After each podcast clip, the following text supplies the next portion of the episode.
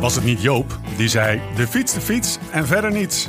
Nou, wij gaan verder. Het leven op, maar vooral ook naast de fiets. Dit is de Live Slow, Ride Fast podcast. When love ain't winning, the mood starts swinging. The devil's grinning, he keeps on singing. Hearts get heavy and time's an enemy. We zijn er weer en de timing is goud, al zeggen we het zelf. Net op het moment dat het te laat is om de Tour te gaan nabeschouwen, maar ook nog te vroeg voor een uitgebreide voorbeschouwing op de Vuelta. Niet vanuit de mancave, niet vanuit de camper. Eigenlijk geen directe gebeurtenis, geen echt grote koersen. We zitten in het Midsummer Cycling No Man's Land. Lekker man. Reden genoeg en tijd zat om een fles wijn open te trekken en een stuk vlees op het vuur te gooien. Live slow to the max. We komen rechtstreeks uit de stad van de Waag. De stad van de hofjes van Splinter en Paling en Forest. Van de Kaasmarkt en, jawel, geen geintje, de Sint-Laurenskerk. En het Beatles Museum natuurlijk. En we zijn niet eens te gast bij de plaatselijke VVV. Maar bij wat in 1966 werd opgericht door de heren Kerkmeer, Bergsma en Van der Kommer... als de Alkmaarse Groothandelsunie. Het is alweer de hoogste tijd voor de 16e aflevering van de maandelijkse portie wielerpraat. Jouw inkijkje in het wonderlijke leven van een wielerprof... die met een open blik en een grote glimlach dagelijks op zijn fiets brengt. Anekdotes, analyses en kroegpraat vanuit de buik van het peloton... maar ook de avonturen van een liefhebber. Liefhebber van de fiets en van al het andere mooiste dat het leven te bieden heeft. Mijn naam is Stefan Bolt en gewoon weer te- recht tegenover mij... Laurens ten Dam. No, I ain't ready yet to bow my head. Laurens, dinsdag 14 augustus. De laatste keer dat we elkaar spraken was 17 juli. Ik denk dat we onze luisteraars een eh, verklaring schuldig waren waarom we tijdens de tour geen eh, afsluitende podcast eh, gedaan hebben. Het plan was er, hè? Ja, we hadden wel een plan. Het was een ambitieus plan. Maar eh, ja, zondagavond wilden we het doen. Hè? Dus na de finish in Parijs. Want wat, wat gebeurt er dan, traditiegetrouw? Nou, traditiegetrouw komen alle vrouwen naar Parijs. En dan... eh de ploeg had het goed geregeld dit keer. We hadden een stapel pizza's van hier tot Tokio. En dan eh, nou ja, was pizza's eh, na de finish pizza eten en een, en een koelbox leeg drinken, zeg maar. Dus ik zat naast de koelbox en ik, ik hoefde hem alleen maar om te draaien en eruit te trekken. En eh, ze gingen er goed in, zeg maar, naar de Tour. En normaal, dan zijn dus, nou, wat ik zei, alle partners zijn dus vrouw, vrouwen van. En dan, nou ja, na een uurtje drinken ga je met z'n allen met de bus naar, naar het Hyatt toe. Ja, en dan, kan je wel 1 en 1 is 2, hè? Ja, Na en, drie en- weken en- tour. dat, dat- ja dat, Hyatt, dat Hyatt is, eh, dat, dat Hyatt schudt op zijn grondvesten, zeg maar, twee uur, twee uur na de finish op te konijnen. Ja, zeker. Nou, ik moet eerlijk zeggen, ik kan, eh, of ja, ik moet eerlijk zeggen, Jens, onze oudste, die is verwekt in het Hyatt. Lekker, tourbaby. Ja, tourbaby. Ze zeggen dat je heel veel testosteron moet hebben. Of dat je na drie weken fietsen weinig testosteron overhoudt. Dus dat het een meisje wordt. Maar ik kreeg toch een jongen. Dus eh Maar dat moet een magische podcast geweest zijn als wij... Tour tijdens- 2011 in Parijs. Nou ja, Jens is van april 2012. Dat is echt negen maanden later. Reken maar uit. En, eh, dus ja, ik denk ja... Tessa is er niet, want Tessa die bleef thuis met de kinderen. We hadden inmiddels twee, ze zegt al het gedoe naar Parijs. Ik heb wel een uurtje over om Ja. een podcast op te nemen, zeg maar. Met Eh, dat gebonk op de achtergrond. ja, precies. Ja. podcast Ik zal gelijk dis de, geluid dicht de kamer vragen. Alleen toen, eh, toen kwam er een kink in de kabel. Ik werd eh, Benny Keulen, onze persman, die zei... eh hey Lau, je werd gevraagd voor de avondetappe. En Ja. ja. ik heb nogal een eh, zwak voor Dionne. Ja. Dus Ah, ene, de ene host, eh, de talkshow of de podcast host, werd ingeruild voor de talkshow host. En eh, nou ja, ik, we hadden die uitzending gedaan en dat was wel gezellig. En eh, op een gegeven moment kreeg ik telefoon van Benny Keulen. Ik denk, nou neem niet op, want ik zat lekker, ze hadden allemaal bier en de catering stond daar. Ik had het naar mijn zin, de uitzending was al lang afgelopen. Toen belde die Martijn Hendricks, de producer, de jongen Ja. van, van de NOS, Ja. de producer. En die zegt, nou, ik geef hem zelf wel even. En Benny, die nam, dus ik nam die telefoon op. Benny zegt, ze zijn allemaal al weg. De bus is weg, alles is weg. Ik, eh, Dat hele vertrek. ja, dus hij stond daar nog eens eentje heel zielig op, eh, op me te wachten in, eh, in, eh, Ah. in, een, eh, in een Mini Cooper. Of wat is het? eh, wat hebben we dan nog meer? Zo'n eh, Countryman. Ja. Dus eh, de iets grotere. Dus ik, eh, nou ja, ik zeg, Benny, kom eens zo snel mogelijk aan. Dus toen ben ik daar weggelopen en... Maar jij, jij komt er dus aan. Jij hebt die avondetappe gedaan. Je komt er dus aan. Is Benny zat daar. Iedereen weg. Iedereen De was weg. Nou, weet je wie er nog wel was? Eddie Merckx. Ik heb die foto nog geïnstagramd. En Benny Keulen, ja, die kent iedereen. En die heeft met Eddie Merckx nog een koers. Dus ik stond met en Benny Keulen en Eddie Merckx op een foto. Ik zeg, nou, dit is mijn moment om zelf een keer een selfie te maken deze Tour. Dus ja, dat, eh, ja, tuurlijk, Eddie Merckx, een dikke legend. Dus eh, ja, daar wilde ik gewoon... Ja, dat ik daarmee op de foto sta Ja. na Parijs, dat was fantastisch. En eh, daar had ik die podcast eh, graag voor opgegeven. Nee, maar dat is, dat is al lang duidelijk. Ja. Dat eh, maakt me ook ehm, heb jij nog, Had jij Eddie Merckx wel eens vaker gesproken of niet? Nee, niet gesproken. Wel in Oman gezien. Ronde van Oman, ik denk dat dat... Dat is, dat is ook 2011 geweest. In het voorjaar 2011, dat was een of andere koers in, in Azië in het voorjaar. En Eddie was daar dan Ah, ja. ambassadeur van de Ronde van Oman. Na één dag, ik weet nog heel goed, eh, een stadje ergens. En dan moet je met de boot naartoe. Best wel een stukje over de zee, zo'n snelle boot. Zo'n... En Eddie werd zeeziek. En ik was zelf ook niet helemaal... eh, mijn zeebenen had ik ook niet ondergeschroefd. Dus ik zat ook al op het achterdek. Zo van, nou, ik moet naar buiten. kwam Eddie daar naar buiten. Nou, die was groen en geel, jongen. Maar hij zei tegen niemand niks. Hij klaagde niet. Hij ging op zijn rug. Ging hij echt bij de achtersteven liggen. Zo bijna met zijn benen in het water. En die boot ging zo op en neer. Bam, bam, bam. En hij heeft daar gewoon drie kwartier heel stil gelegen. Hij was groen en geel met een flesje water in zijn hand. Zal het nooit vergeten. Nou, die boot die meert aan. En hij staat op, loopt de kant op. Niks gezegd, niet gezegd. Maar je zag wel dat hij het slecht had. Maar afzien kan hij nog steeds. Ja, Ja. Maar dan sta je ineens in, eh, in, in, in Parijs met Eddie. Ja, met Eddie Mooi. en Benny. Ja, Benny is ook een... Ja, Die hele podcast, alle luisteraars vergeven het je meteen. Ja, ja, ik ben zelfs die avond in Parijs nog met Benny geëindigd. Want we hadden een dinertje gehad in, eh, in, het- in het Hyatt. Hè? Iedereen Ja. was uh, gedoucht en wel. En eh dinertje. En daarna gingen een aantal renners nog op stap naar een eh, discotheek in Parijs. En, eh, Dat is ook zo'n vaste discotheek, toch? ja, de duplex. Maar Ja. ik ben er nog nooit geweest. Het schijnt een of andere kelder te zijn. En dan kom je, dan kom je de hele tour weer tegen. Ja. En dan kom je al die journalisten tegen die er ook heen gaan. Dus ik ben er eigenlijk nog nooit geweest. Maar Benny zei, oh, kom, we gaan nog... Ik zeg, we kunnen nog wel even een terrasje pakken. Zijn we Parijs ingelopen? Of ja, zijn we daar weggelopen bij het hotel. Eerste beste terrassen zijn we neergeploft. Kwamen we Ton de Vaan nog tegen. Dus een verzorger van BMC. Die altijd mijn verzorger bij Rabobank geweest is. En die heeft ons, ja, totdat we eigenlijk het terras werden afgeveegd. Want volgens mij om twee, drie uur. eh, nou, ik, ben, ik, ik weet het niet. Of om twee uur of om drie uur moeten alle terrassen dicht daar. En eh, zijn we naar huis gewaggeld. Toen Ja. heb jij zat. zat. Ja, dat, dat weet ik niet eens. de meer. volgende dag wakker. Doen we die pot ja, ja, ja, ja. Dus eh, ja, dat was. Hè, die coolbox had ik zo weg gedaan. En eh, bij de avondetappe waren ze ook goed voorzien. Dus eh, nou, dat was een goede. En toen, eh, toen ben ik de volgende ochtend, denk ik om half acht, had ik de taxi TGV op naar, eh, naar Schiphol. Want we hebben nog een poging gedaan, hè? Om het in de TGV Nou ja, ik dacht, ja, dan doen we het misschien nog in de. TGV. Maar er stond ook al liever niet te bellen, Nee. weet je wel. Maar in de podcast doen we natuurlijk bellend met elkaar. Ik denk, nou, dat is beter... eh, Doe het maar beter een andere keer. Maar toen hebben we opeens, eh, ja, toen eh, een dag later brak ik, eh, nou ja, daar zullen we het zo wel over hebben. Ik, brak dat sleutelbeen al door de midden. Dus het waren nogal enerverende dagen. Gaan we het zo over hebben. Want we, we bellen niet nu. Hè? We zitten Nee. fysiek tegenover elkaar. Ik heb jou ook gemist. Je bent wel iets scherper als je tegenover me ziet. Ja, Ja. Jij bent naar de kapper geweest. Dat is ook Ja. wel interessant. Paar jaar, jaar jonger, hè? Ja, jongen, jongen. ik heb opeens weer zelfvertrouwen.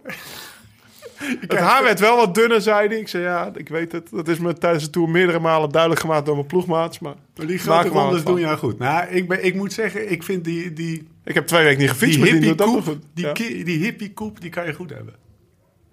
ja, maar mijn vrouw was met deze koep ook wel... eh, Zoiets dacht ik al. ja.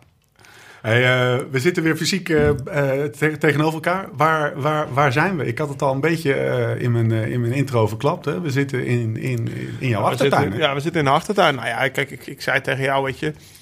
Ik, ik, ik ben niet zo heel mobiel. Dus uh, autorijden mag ik officieel nog niet. Fietsen ook niet. Alleen op mijn gewone fiets, ja, dan steun ik niet op die arm. Dus dan gaat het wel. Mag ik even zeggen dat een gewone fiets, in dit geval... ik ging met de auto vanaf jouw huis hier naartoe... en jij ging op een, eh een Opel-fiets met twee... eh, van die, eh, van die boodschappentassen ja. achterop. Er ging gewoon een, Een hele-. Gewoon een Er ging gewoon een, ik weet niet hoeveel grote rondes je gefietst hebt, maar er ging gewoon op je gezellenstad. Het was een Weet mooi, je, die was een mooi tafereeltje. Ik heb hem mezelf cadeau gedaan zelfs. Na de Tour van 2013. Eh, Ik, had, ik, had, ik woonde in Maastricht. Ik had nog zo'n studentenbarrel, zeg Ja. maar. En ik, ik, had, eh, ik had iedereen een leuke... Uh, Tessa een cadeautje gegeven. Iedereen een cadeautje gegeven. Ja, ik zeg, wat ga ik mezelf nou vergeven, weet je wel. Ik heb ik alles al. Ben ik naar de fietsenmaker eh, in Maastricht gegaan... waar ik altijd heen ging, Walstok. Hè, shout-out to Walstok. En ik zeg, ik zeg, ik moet een gazelle hebben. Of ik wil, ik wil gewoon zo oud. En het was net het laatste jaar dat ze zonder versnellingen gekocht werden. Dus ik heb gewoon nog een, eh, een, een, single, speed, een single speed eh, gazelle, ja. Nou, waar zitten we? We zitten, ja, we zitten bij Agu. jij zegt, dus ik zeg, ja, ik ben niet zo eh, mobiel. Hij zei, ja, ik, ik, ik- weet nog wel een locatie bij Agu. Ik zei, nou oké, gaan we daar naartoe. Dus eh, Ja, want, want jij kent Agru natuurlijk uit je, uit je, uit je, uit je, onder andere uit je Rabo-tijd, maar daarvoor ook al, hè? nou ja, waar ik inderdaad mijn eerste echte wielershirt. Ik ben, ik ben lid van Alkmaar Victrix, nog steeds. Dus eh, Wat ik ben dat al ruim je 20 elk jaar jaar. een keer mee? Alkmaar Victrix is de gekste. Nou ja, je hebt eh, het NCK. Dus dat is het eh, Nederlands clubkampioenschap eh ploegentijdrijden. NCK, het Nederlands clubkampioenschap zal het heten. Dan, maar het is in ieder geval eh, met ploegjes van zes. Daar heb ik toch al een aantal jaren meegedaan. Dit jaar kan ik niet. Het is, het is tijdens de gravel dus ik ben verhinderd. Maar in de ieder geval, in de winter doe ik sowieso op tweede kerstdag altijd een rit met de jeugd. Vind ik leuk. En ja, dat is de club waar ik... Je moet het zo zien, als je nieuweling en junior bent... dan ga je in het weekend heb je een klassieker... en dan ga je met eh, die klassieke ploegen... bij de junioren zijn drie man sterk. Dus eh, Ja. dat zijn kleine ploegjes. Dan ga je met z'n... Ja, ik kan het nog zo uittekenen met z'n allen in een rode Volvo... eh, drie fietsen op dak, nou één reservefiets erbij, zeg maar. En dan ging je met de ploegleider en drie renners ging je naar die klassiekers toe. En wat had je aan? Ja, een, een A. Timmermans, Agu of snelpak of, eh, of broek en shirt. Ik weet nog, eh, volgens mij heb ik mijn eerste jaar bij de nieuwelingen met één broek gedaan. Want eh, het ja, je kan het je, je- ja, ik heb nu misschien krijg ik van een ploeg eh 20, 20 misschien, ja, voor de Tour krijg ik alleen al vijf, zes broeken extra. Maar toen deed ik het hele jaar met één broekie. En dan had ik ook nog twee snelle pakjes bij. Die gingen dan in de koers aan. En eventueel een training dat je daar een shirt overheen trok. Maar het was echt sparen voor die tweede broek. Want je kreeg ieder jaar van de club een broek. En dan, eh, nou ja, bij de junioren had ik inmiddels twee broekjes. En eh derde jaar dan drie. Dan moest er niet te veel stuk vallen. En eh, ja, zo ging dat. Ik bedoel, eh, ik weet ook nog wel, ik was, eh, ik was een nieuw, ja, mijn tweede jaar, of ik was al een jaar nieuweling geweest, maar ik ben een beetje in, in het voorjaar begonnen. En eh, ik kwam een keer in november thuis, dus bij mijn overgang van nieuwelingen naar junioren, huilend van, ik had kou, ik had blauwe handen. Weet je wel, ik ben 13 november jarig. Twee weken later kreeg ik pas fietshandschoenen. Dus eh, zo koud waren mijn handen. Dus ja, het kostte natuurlijk al best veel geld, die fietsspullen. En eh, nou, ik ben blij dat, eh dat ja, de club, de club sponsoren. En nog steeds, ook maar A. Timmermans IJzerhandel, dat is nu volgens mij Plezine nog steeds. Of dat was het altijd. En eh, ja, dat zijn, dat zijn van die trouwe clubsponsors die, eh, die jarenlang eh, de club steunen. En Ik, ik, heb, ik heb steeds die, dat Rabo-shirt in mijn gedachten, maar ik zit, wij zitten hier... dat waren er meerdere, hè? Ik, ja. Rabo is toen van logo veranderd. Ik heb nog bij de Rabo amateurs echt in het oranje-wit gereden. En toen kwam er wat blauw in. Zijn volgens mij al een aantal jaren... Maar jij ziet het niet, want jij zit naar mij toe te kijken. Ik zie achter jou een paar stellages met... Dat is wel...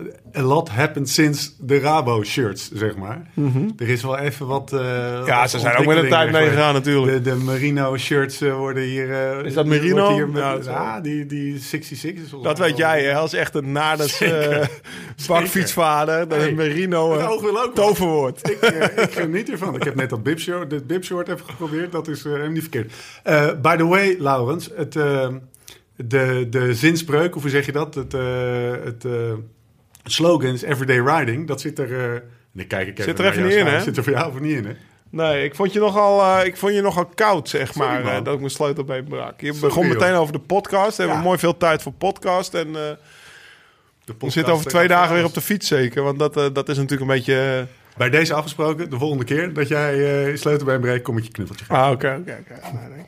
Nee, eh, ja, ik heb mijn sleutelbeen gebroken. Dus eh, je rijdt de Giro en de Tour eigenlijk zonder eh, problemen. En dan de dinsdagavond na de Tour al. Ja, dat was de tweede dag al. Dus ja, je zit eigenlijk in een flow. Want je, moet, je komt thuis om 1 uur s middags. Je moet naar Boksmeer. Heen en weer. 1 uur s'nachts thuis. En de volgende dag Ja. naar, naar uh, Surhuis-de-Veen. En ja, daar brak ik na een ronde of tien mijn sleutelbeen. Het was ook nog een vieze, slechte breuk. Dat wist ik toen nog niet natuurlijk. Maar achteraf wel. Eigen schuld? Of Ja. werd je geschoten? Nee, nee, eigen schuld. Voorwieltje? Voor, ja, joh, ik, ik stuur die bocht in. Het is wel een klote bocht. Ik hoorde achteraf dat eh, eh, bij de vrouwenkoers waren in diezelfde bocht al acht valpartijen verteld. Ja. Nou, laat ze het overdreven hebben, dan waren het er vier. Maar dan hadden ze het me wel even van tevoren kunnen vertellen. Dacht ik toen ik dat hoorde. Ja. Je hebt de briefing overgeslagen. Ja. Maar nee, ik ken die bocht wel. Ik heb al jaren in Surhuis TV gekoerst. En het is inderdaad een vervelende bocht. En ik, ik stuur die bocht in en opeens lig ik. Ramon gaat nog over me heen. Die zit in mijn wiel, Sinkeldam. Ja. Daar baalde ik eigenlijk op Ja. dat moment nog het meest van. Maar toen voelde ik ook wel, nou, het zit hier niet goed, weet je. En, eh, ik, heb nog nooit, of ik had nog nooit mijn sleutelbeen gebroken. Ik zeg, volgens mij is mijn sleutelbeen. Nou, Jonne die vertelde me net, die heeft een foto gezien. Ik werd er in een eh, Rode Kruisbusje getakeld. Was echt zo'n eh, een bus met een harde bank en die kon niet naar achter en dit en dat.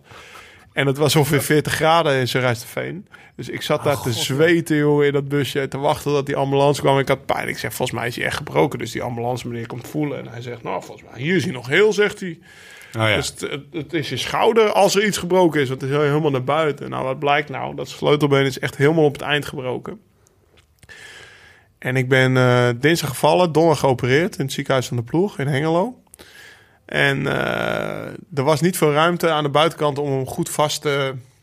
Dus normaal als hij in het midden breekt, kunnen er twee grote schroeven aan de rechts, twee grote schroeven links. En dan zit je binnen een paar dagen weer op Ja. de fiets, zeg maar. Vandaar dat ik ook niet reageerde. Nee, jij dacht, nou ja, het zal we wel we gaan Jeffrey, Her- twee dagen fietsen. Jeffrey Herlings wint de twee, twee weken na dato weer een... Eh, ja, precies. Lars Credit die rijdt de tourauto bij. Wat zeur je nou met je sleutelbeen? Maar deze breuk, die was dus... Iets anders. Ja, nou ja, hier pas wel... Ik ben aan het wijzen, dus dat gaan ze in de podcast niet zien. Maar zeg maar, op het grote stuk zitten drie grote schroeven in. Dat past Ja.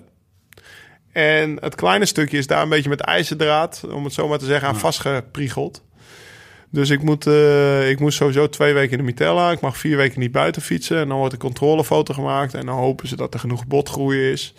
Maar als ik nu eh, mijn oefeningetjes doe, die ik van de fysio meegekregen heb, fysio Bob, dan zie je al wel dat er hier een, nou ja, hier zit gewoon een gat. Dus ik weet niet precies hoe het, het zit aan elkaar, dat voel ik wel, maar het is niet zoals het aan de andere kant zit. Dus eh, ja, ik ben heel erg benieuwd eigenlijk naar 3 september een controlefoto, ben ik heel erg benieuwd naar. Nou, maar heb je een soort van datum in je hoofd wanneer je weer voor het eerst op je racefiets... eh, Nee, eh, op mijn racefiets. Om eerlijk te zijn, ja, ik, heb natuurlijk, ik, wel, ik was er ook wel een beetje af. Ja. Ik, had, eh, ik had Giro Tour gereden op laatste moment opgeroepen. Qua timing, ja. Eh, ik zou San Sebastian nog rijden zaterdag. Ja. Nou, dat ging dan niet door. En dan was mijn eerste koers weer 9 oktober, eh, Ronde van Turkije. Nou, Ronde van Turkije blijft staan. Ja. En de ploeg heeft me ook op de hart gedrukt. Er is geen haast om je gezondheid, dat dat, dat dat volledig her- herstelt, is van grotere prioriteit nu Ja. dan dat jij over twee weken al fietst, weet je wel. Dus ik mag officieel, denk vanaf maandag op de rollen. Maar eh, als ik dat een week uitstel, is het ook niet erg. Ik bedoel, Turkije, ja, daar, die rol ik wel door. Wat, wat hebben ze thuis gemerkt? Van een, eh, was je chagrijnig? Eh, een beetje wel, in het begin. Nou, weet je, van pijn word je gewoon chagrijnig. Dus eh, in het begin kreeg ik ook morfinepillen mee en zo. Nou, dat is troep, jongen. Ik kreeg me toch een bult pillen mee. Maar Van die oxy, oxy, ja, oxys. Noemen ze ja, straat. Ik had 600 euro straatwaarde mee. Je ging nog de Ja, jongen. Dus ik, eh, dat had ik al gegoogeld natuurlijk. Maar eh, ik, heb ze, al- 28 ik, heb ze, ja, ik heb ze allemaal door in de grijze bak gesodemieten. Want eh, nou ja, ik had zaterdag, zondag inderdaad die oxys erin. En na zaterdag denk ik, nou het zal wel, ik voel niet zoveel. Maar zondag, ik werd er raar van, jongen. Ik, Maar je hallucineren? Of Ja. mis, ik was de krant aan het lezen. Fuck, hadden we toen En- een podcast op moeten nemen? Ja, jongen. Dus ik, ik lees dan de Volkskrant hè, op, mijn, Ja. op, mijn, op mijn iPadje of wat noem je dat, dat, dat, dat tabletje. Ja. En eh, ik, ik was die zin aan het lezen en dan hallucineerde ik een heel, eh, heel, heel verhaal achter. En ik dacht bij mezelf, dat, dat staat er helemaal niet, weet je wel, toen normaal. En ik ook om tien uur ochtends, ik zat op de bank in de tuin. Gewoon een beetje voor me uit te staren. En, eh, en mijn ogen vielen dicht. Nou, ik denk, dit is troep, jongen. Ja. Dus eh, zodra ik eh, het alleen met paracetamol af kon, eh, heb ik al die dingen in de prullenbak gesodemieten. Want eh, ja, dat, je werd er gewoon raar van. En toevallig stond ook net die week in de krant, die ik dus aan het hallucineren was, stond... eh, Hij was de Telegraaf aan het lezen. Maar hij deed alsof hij de Volkskrant aan het lezen was. nee, daar stond het verhaal over die, die pillen. Dat die in Nederland eh, en voor- in Amerika is het een epidemie. Daar zijn heel veel mensen verslaafd aan. En in Nederland worden er ook veel door, voorgeschreven. En ik, eh, ik merk inderdaad dat ik, ik werd er raar van. Dus eh, nee, het was... eh, en dan, ja, tuurlijk... Maar als je nog een paar opties Ja. zoekt, een grijze bak. De grijze bank, Ja, hij, wordt, hij wordt morgen geleegd. Dus eh, je kan vanavond nog op de molenkade 10 langs. nee, maar Tessa zei wel, ze zei, nou Lau, je doet je best, maar af en toe ben je best nog wel chagrijnig. Maar de kinderen die vonden het allemaal leuk dat ik mee was. We gingen opeens iedere dag naar de skatebaan. En dan mochten Ja. zij mooi rondjes skaten. En dan zat ik daar heel zielig in mijn Betella een beetje te kijken. Maar wat had je anders als je niet... Je, je had die criteriums Criterium. gereden, dus je was wel bezig. je lichaam was wel... Het, Ja, ik had wel iets wat met je lichaam op het moment dat je niet fietst versus als je wel ik slaap iedere middag twee uur. Ik weet niet of het van de narcose of van die oxys of van, eh, je lichaam heeft van de operatie komt. Maar in ieder geval, iedere middag als ik, als ik smiddags niet slaap, dan ben ik s'avonds echt, eh lig ik om half negen op mijn bed. Dus eh, ik doe iedere middag een middagtukkie. Ik ben met die kinderen veel bezig. Maar ja, wat had ik anders gedaan? Ik had wel leuke plannen om... eh, hier in Heemskerk hebben we zo'n groene camping. Zeg maar, noem je dat? Natuur... nou, in ieder geval, je hebt er zo'n kaartje voor nodig. en eh, daar wilde ik dan Tessa en Bodie met de camper heen laten rijden. En dan met Jens met de fiets heen. Dat is zo'n Ja. 15 of 20 kilometer, kan hij net aan. En eh, dat was wel een heel leuk plan. Gisteravond begon hij er eh, voor het slapen gaan nog over. Ik zeg, eh vond je het leuk? Morgen gaan we varen, weet je wel. Vond je het leuk dat papa thuis is? Ja, ja. Maar wanneer gaan we nou op fietsvakantie? Want dat had ik tijdens de tour al beloofd. En eind augustus zouden we twee weken naar Italië met de camper om ja, te gaan kamperen en fietsen. Zou ik dan wel iedere dag fietsen. Maar, en dat gaat niet door. Want Tess zegt, ja, met je lamme arm. Ik heb helemaal geen zin om... Dan moet ze al, ja, ze moet iedere kont nog afvegen, bij wijze van spreken thuis. En eh, Die tijd heeft ze wel raar. ja, dat, eh, ja goed beter thuis blijven. Hoe, eh, maar je hebt wel even het MTB-parcours van school gedaan? eh, Ja, wandelend, hè? kleintjes? Ja, ja, ja, wandelend, ja, ja. ja. Ja, nou ja, ik ben natuurlijk... ik moet mijn energie een beetje kwijt. Dus ik loop iedere keer met die kinderen naar de skatebaan... en met die kinderen naar, de, naar het mountainbike parcours... eh, was ik gisteren met de auto dan. Dus ja, die kinderen die, die vinden het prachtig. En vanochtend waren we een paar uurtjes aan het varen. Een boot gekocht? De dag nadat ik mijn sleutel beenbrak... Een troostboot? Ja, een troostboot. Het Oh, ben zo troostboot. zielig, ik moet een troostboot. Ik heb mijn andere boot verkocht voor een paar flessen goede wijn. Dus er was iemand die... eh, Nee, ik zeg, hij moet... Je mag hem hebben voor een paar flessen wijn, maar hij moet volgende week weg zijn. Want ik ga nu een boot kopen, of ik ga vanmiddag een boot bestellen. Dus eh, ik zat een beetje... Ik was nog voor de operatie. Dinsdag gevallen, donderdag geopereerd. En woensdag zei ik om drie uur 's middags tegen Tess... Rij eens even naar de botendealer, want ik wil een mooi bootje. Dus eh, hebben Lekker boot man. Hij ligt voor je deur? Ja, met dank aan Tom. Prijsgeld van de Tour is al uitgegeven. Dank je Tom. Tom, bedankt voor die watts die je hebt gepusht. Ja. Die boot ligt eh, voor de deur. Lau, ter zake. Eh, belangrijke dingen in de, in de podcast. Wat drinken we? Wat drinken we? Nou, Pak we even een kaartje erbij. We drinken Barolo. Van? Verrassing Gekregen van? van Arjan Brouwer. Dankjewel Arjan. Ik ben, eh, ik ben vandaag, waren we even voordat we hierheen gingen, Zal- gingen waren we bij jou thuis. Toen liepen we de kelder in. Die hele kelder. ik, bedoel, ik krijg een paar zakken koffie. Daar gaan we het later allemaal... Dus mensen die... Ja, maar jij geeft er ook niks voor terug, hè? Maar la- nee, nee, inderdaad. Het, is, het zijn die gouden... Het zijn die gouden... Het zijn die nummers, het zijn die gouden rugnummers. Ja. Maar jouw hele kelder staat vol met best wel goede wijn. Ja, er was nog een gedoe om alles naar Nederland te krijgen. Het is gelukt. Dus eh, mijn ouders hebben een paar, eh, ik een paar keer naar mijn hotel laten rijden om, eh, om een shiffy op te halen. En de week na de tour werd er ieder... Vandaag is er nog een fles wijn bezorgd. Dus de nummers en, raken nu een beetje op. Dus ik heb er denk ik nog maar twee over. Maar de- dat was de afspraak via... Nou, in de podcast denk ik hebben we die... nummers voor een fles goede wijn. Nou ja, dat... Er komt koffie. Hel, er komt, er, komt, er komt gin onze kant op. Wij zeggen er geen nee tegen. Nee, nee, nee, de kelder staat vol. En eh, mijn, vrienden, extra mijn die opnemen. varen er wel bij. Want eh, nou ja, ik ben nu een paar weken thuis. En de, de mate waarmee ik zondagochtend altijd door het bos cross. En daarna bij mij smiddags komen eh, barbecuen. Die, die crossen nu zelf door het bos. En die komen alsnog barbecuen. En dan... Ja, s ochtends dan sturen ze al een berichtje. Van welke zet je nu koud? Dus dan zet ik een, ja, van die uitdeelflessen triple koud of zo voor ze. Dus we hebben al twee leuke... Dat is mijn hoogtepuntje van de week, zeg maar. Want eh, voor de rest heb ik niet veel te doen. Wie haalt de Loudse Nom uit zijn sociaal isolement? Ja, precies. Eh, we hebben één fles gin. Hebben we apart gezet, die we gekregen hebben. En die zetten we apart voor de kamer. eh, de oranje ginfles zetten we apart voor de voor de Ja, ik weet niet of Sven van gin tonics houdt. maar Jawel, joh, tuurlijk. Volgens mij is het wel eentje die, die maximaal gaat als hij één keer los is. Ja, Ja, dus, dat Een dronken Sven Kramer, dat zou wel lachen zijn. ja, Een hele goede podcast. Hij is al scherp als hij niet dronken is. Dus kun je nagaan als hij... eh, Nou, bij deze. Ehm, even, ik, ik zei in mijn intro, het is eigenlijk te laat om voor een terugblikken op de Tour. Zullen we het stiekem toch even doen? Want Ja. eigenlijk zo ver, er is wel veel gebeurd. Hè? Wat was jouw Wat was persoonlijke... onze laatste... Ja, dat was, eh, nou ik heb het opgeschreven, dat was eh, bu- bu- bu- bu- bu- 17 juli. Dus dat is, Ja, nou, pak Was dat even echt de We laatste? kijken weer even naar de... Naar de Dat is dan ver, eh, want daarna Dat is het nog de hele laatste week geweest. Dan. Ja. Nou, in ieder geval, als ik terugkijk naar de Tour... eh, wat vooral bij staat, is, eh, is die laatste zaterdag voor, voor, on, voor mij, Tom, de ploeg. eh, dat is wel echt een stand-out eh, dag, zeg maar. Ja, De laatste zaterdag, ik zal het Dat is de dat, tijdrit, dat is de dag dat Tom die tijdrit wint. ja. Hij wint hem.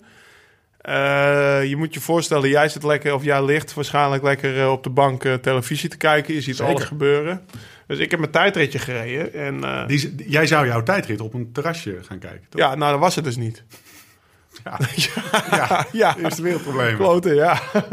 Dus ik, ik kom, inderdaad, ik kom dus over die meet, weet je wel. Nou ja, daar staat de truck, dus eh nou ja, word je doorstuurt. Ik, nou, ik moest denk een kleine kilometer doorfietsen. De truck stond gewoon op een uitvalweg uit dat dorp, zeg maar. En daar stonden ze allemaal op een rij, 20. En er was helemaal niks. Er was alleen een modelspoorbouwwinkel waar ik naar binnen ben gestapt om te vragen of er een tv was. Had die mevrouw niet. Dus eh, nou ja, ik weer naar buiten. Mijn batterij was leeg van mijn telefoon natuurlijk. Dus eh, nou ja, toen heb ik met Simon Getske, die kreeg op een gegeven moment beeld. Toen we terug aan het rijden waren, want Simon Getske was binnen. Die startte een half uur na mij of zo. Dus die moest er ook omkleden. Geen douche, niks. Dus die zat ook naast me te stinken. We zaten lekker met drie renners te stinken in de auto. Naar die telefoon van Simon aan het kijken. Nou ja, ik, weet- ik weet niet of je het nog weet, maar die finish was dat, eh, dat Tom eh, Ja. eens eh, dat Tom. was heel veel onduidelijkheid Ja, het was heel veel onduidelijk. Tom had niet gewonnen. Nee. Dat zeiden ze. Nee. Dus ja. wij knallen die telefoon uit, kut. Nou ja, Ja. wel podium gereden. Dus, want daar, waren we in, of daar was Tom ook nog het meest bang voor dat hij eigenlijk van het podium Ja. zou donderen, zeg maar. Nou ja, tweede in de. Tour is natuurlijk heel goed. Hè? Dus wij, maar ja, we hadden nog geen rit gewonnen. En tien minuten later zit Simon op, eh, op Twitter of weet ik veel, zegt hij, ja, Tom heeft wel gewonnen. Ik zeg, ja, ga weg, man. Weet je wel. Dus eh, wij zaten al in de auto een beetje... Nou ja, toen was natuurlijk de euforie compleet. Dus eh, nou ja, dat was gewoon, dat maakte de hele tour af. Hij wint nog een rit, hij wordt tweede in het eindklassement. Het was gelukkig ook nog met minder dan eh 1 minuut 13 verschil, wat hij in die muur de Bretagne rit won. Daar hebben we Ja, dat was een persoonlijke veten. Ja. Dus eh, het was helemaal goed. Dus zaterdagavond was echt een leuke avond met de renners bij elkaar. Zes renners. En dan eigenlijk was het wel jammer dat de meeste begeleiding al naar Parijs was. Maar in ieder geval met de zes, ja, eh, zeven renners dan. Ik en zes renners en nog... volgens mij was er één ploegleider en Iwan was er. En nog wat andere mensen hadden gewoon een gezellige avond. Ik heb nog samen met de mannen van, eh van Asje Dessert... die zaten in hetzelfde hotel met Nazen en eh Baudet ja. een biertje zitten drinken op de Tour. Hun ook gefeliciteerd. Dus dat was echt eh, dat was de leukste dag van de Tour. Maar dan is het gewoon na zo'n... Iedereen komt aan in Parijs. En dat, dan is een mega uitgelaten stemming. En, en voor, Nou, voor meestal vind ik de dag van allemaal naar tevoren hetzelfde leuker. hotel, hè?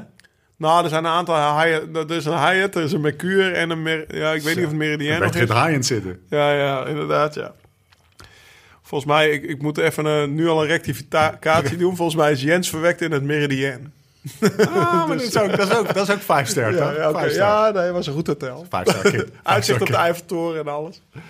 Maar eh, eh, ik vind eigenlijk die zaterdag leuker. Ja, dat zei je tijdens de Giro ook al. Dat die laatste dag, die parade... Die Ja, dat, dan moet je in de Parijs, zit je af te zien op de Champs-Élysées. En dan komen opeens allemaal mensen die half belangrijk zijn, komen dan, Ja, exact. komen dan naar Parijs toe. Met alle Maar- respect natuurlijk. Ja, met alle respect. Maar je hebt het toch met je eigen groepje gedaan, Ja. wat daar zaterdag nog is. Ja, weet gaat je het wel. Dus ik vind eigenlijk dat biertje drinken op zaterdag met de renners. En nu helemaal, nu Tom had gewonnen, hadden we nog een paar flessen wijn erbij opengetrokken. We gaan over een prestatie lopen heen. Want we mogen ook wel stellen dat de Noord-Hollands best tijdritlokaal... Boem. Ik, heb die koffie ik nog niet gehad trouwens, ja. ja, is er ik gebeurd? moet hem even inkoppen. Dus eigenlijk, eigenlijk... Het was wel vrij tijdrijder makkelijk. dan Nicky Terpstra. Ja, die werd twee op NK. dus eh, het was wel vrij niet na makkelijk. drie weken koers. Nicky heeft in de Nicky. stress gezeten, jongen. Ja, dat, dat- dat- hij deed natuurlijk best wel stoer. Oh, ik had nog drie kwart minuut over. Maar ik stuurde hem al een berichtje. Nee, ik- Moet even vertellen wat er, eh, wat er aan de... Aan de, aan de ja, ik zal het vertellen. Maar ja, eh, Lekker als je, het, intro als, je het, is dit nog steeds de intro? Nou, maakt niet uit. Skip het onderwerp wel.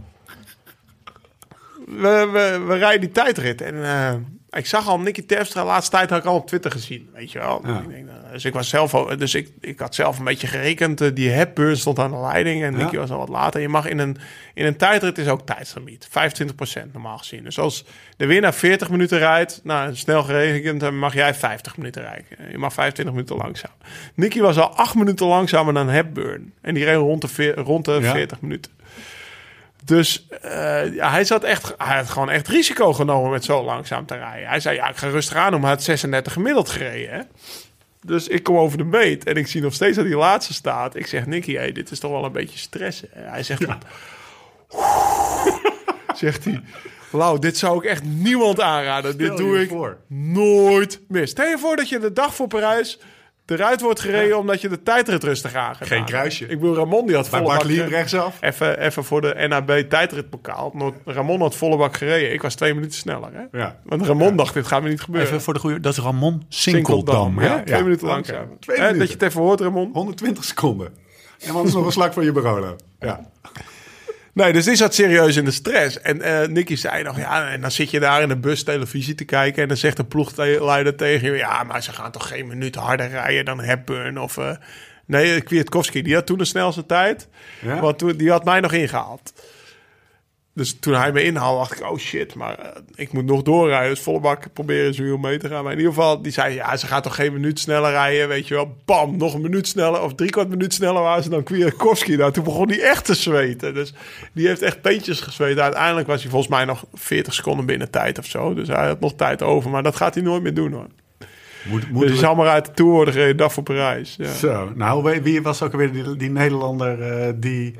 Oeh, Lieve Westra? Lieve Westra, ja. Ja, ja. Die is in Parijs nog even afgestaan. Ja, dat lijkt me echt Ja, verschrikkelijk. ja, maar dat, dat, dat kan ik me... Ik bedoel, het is natuurlijk vreselijk om drie weken te koersen en dan... Ja, als je gelost wordt die daar, bergen het heen gaat hard hè, daar. dag- Ja, exact.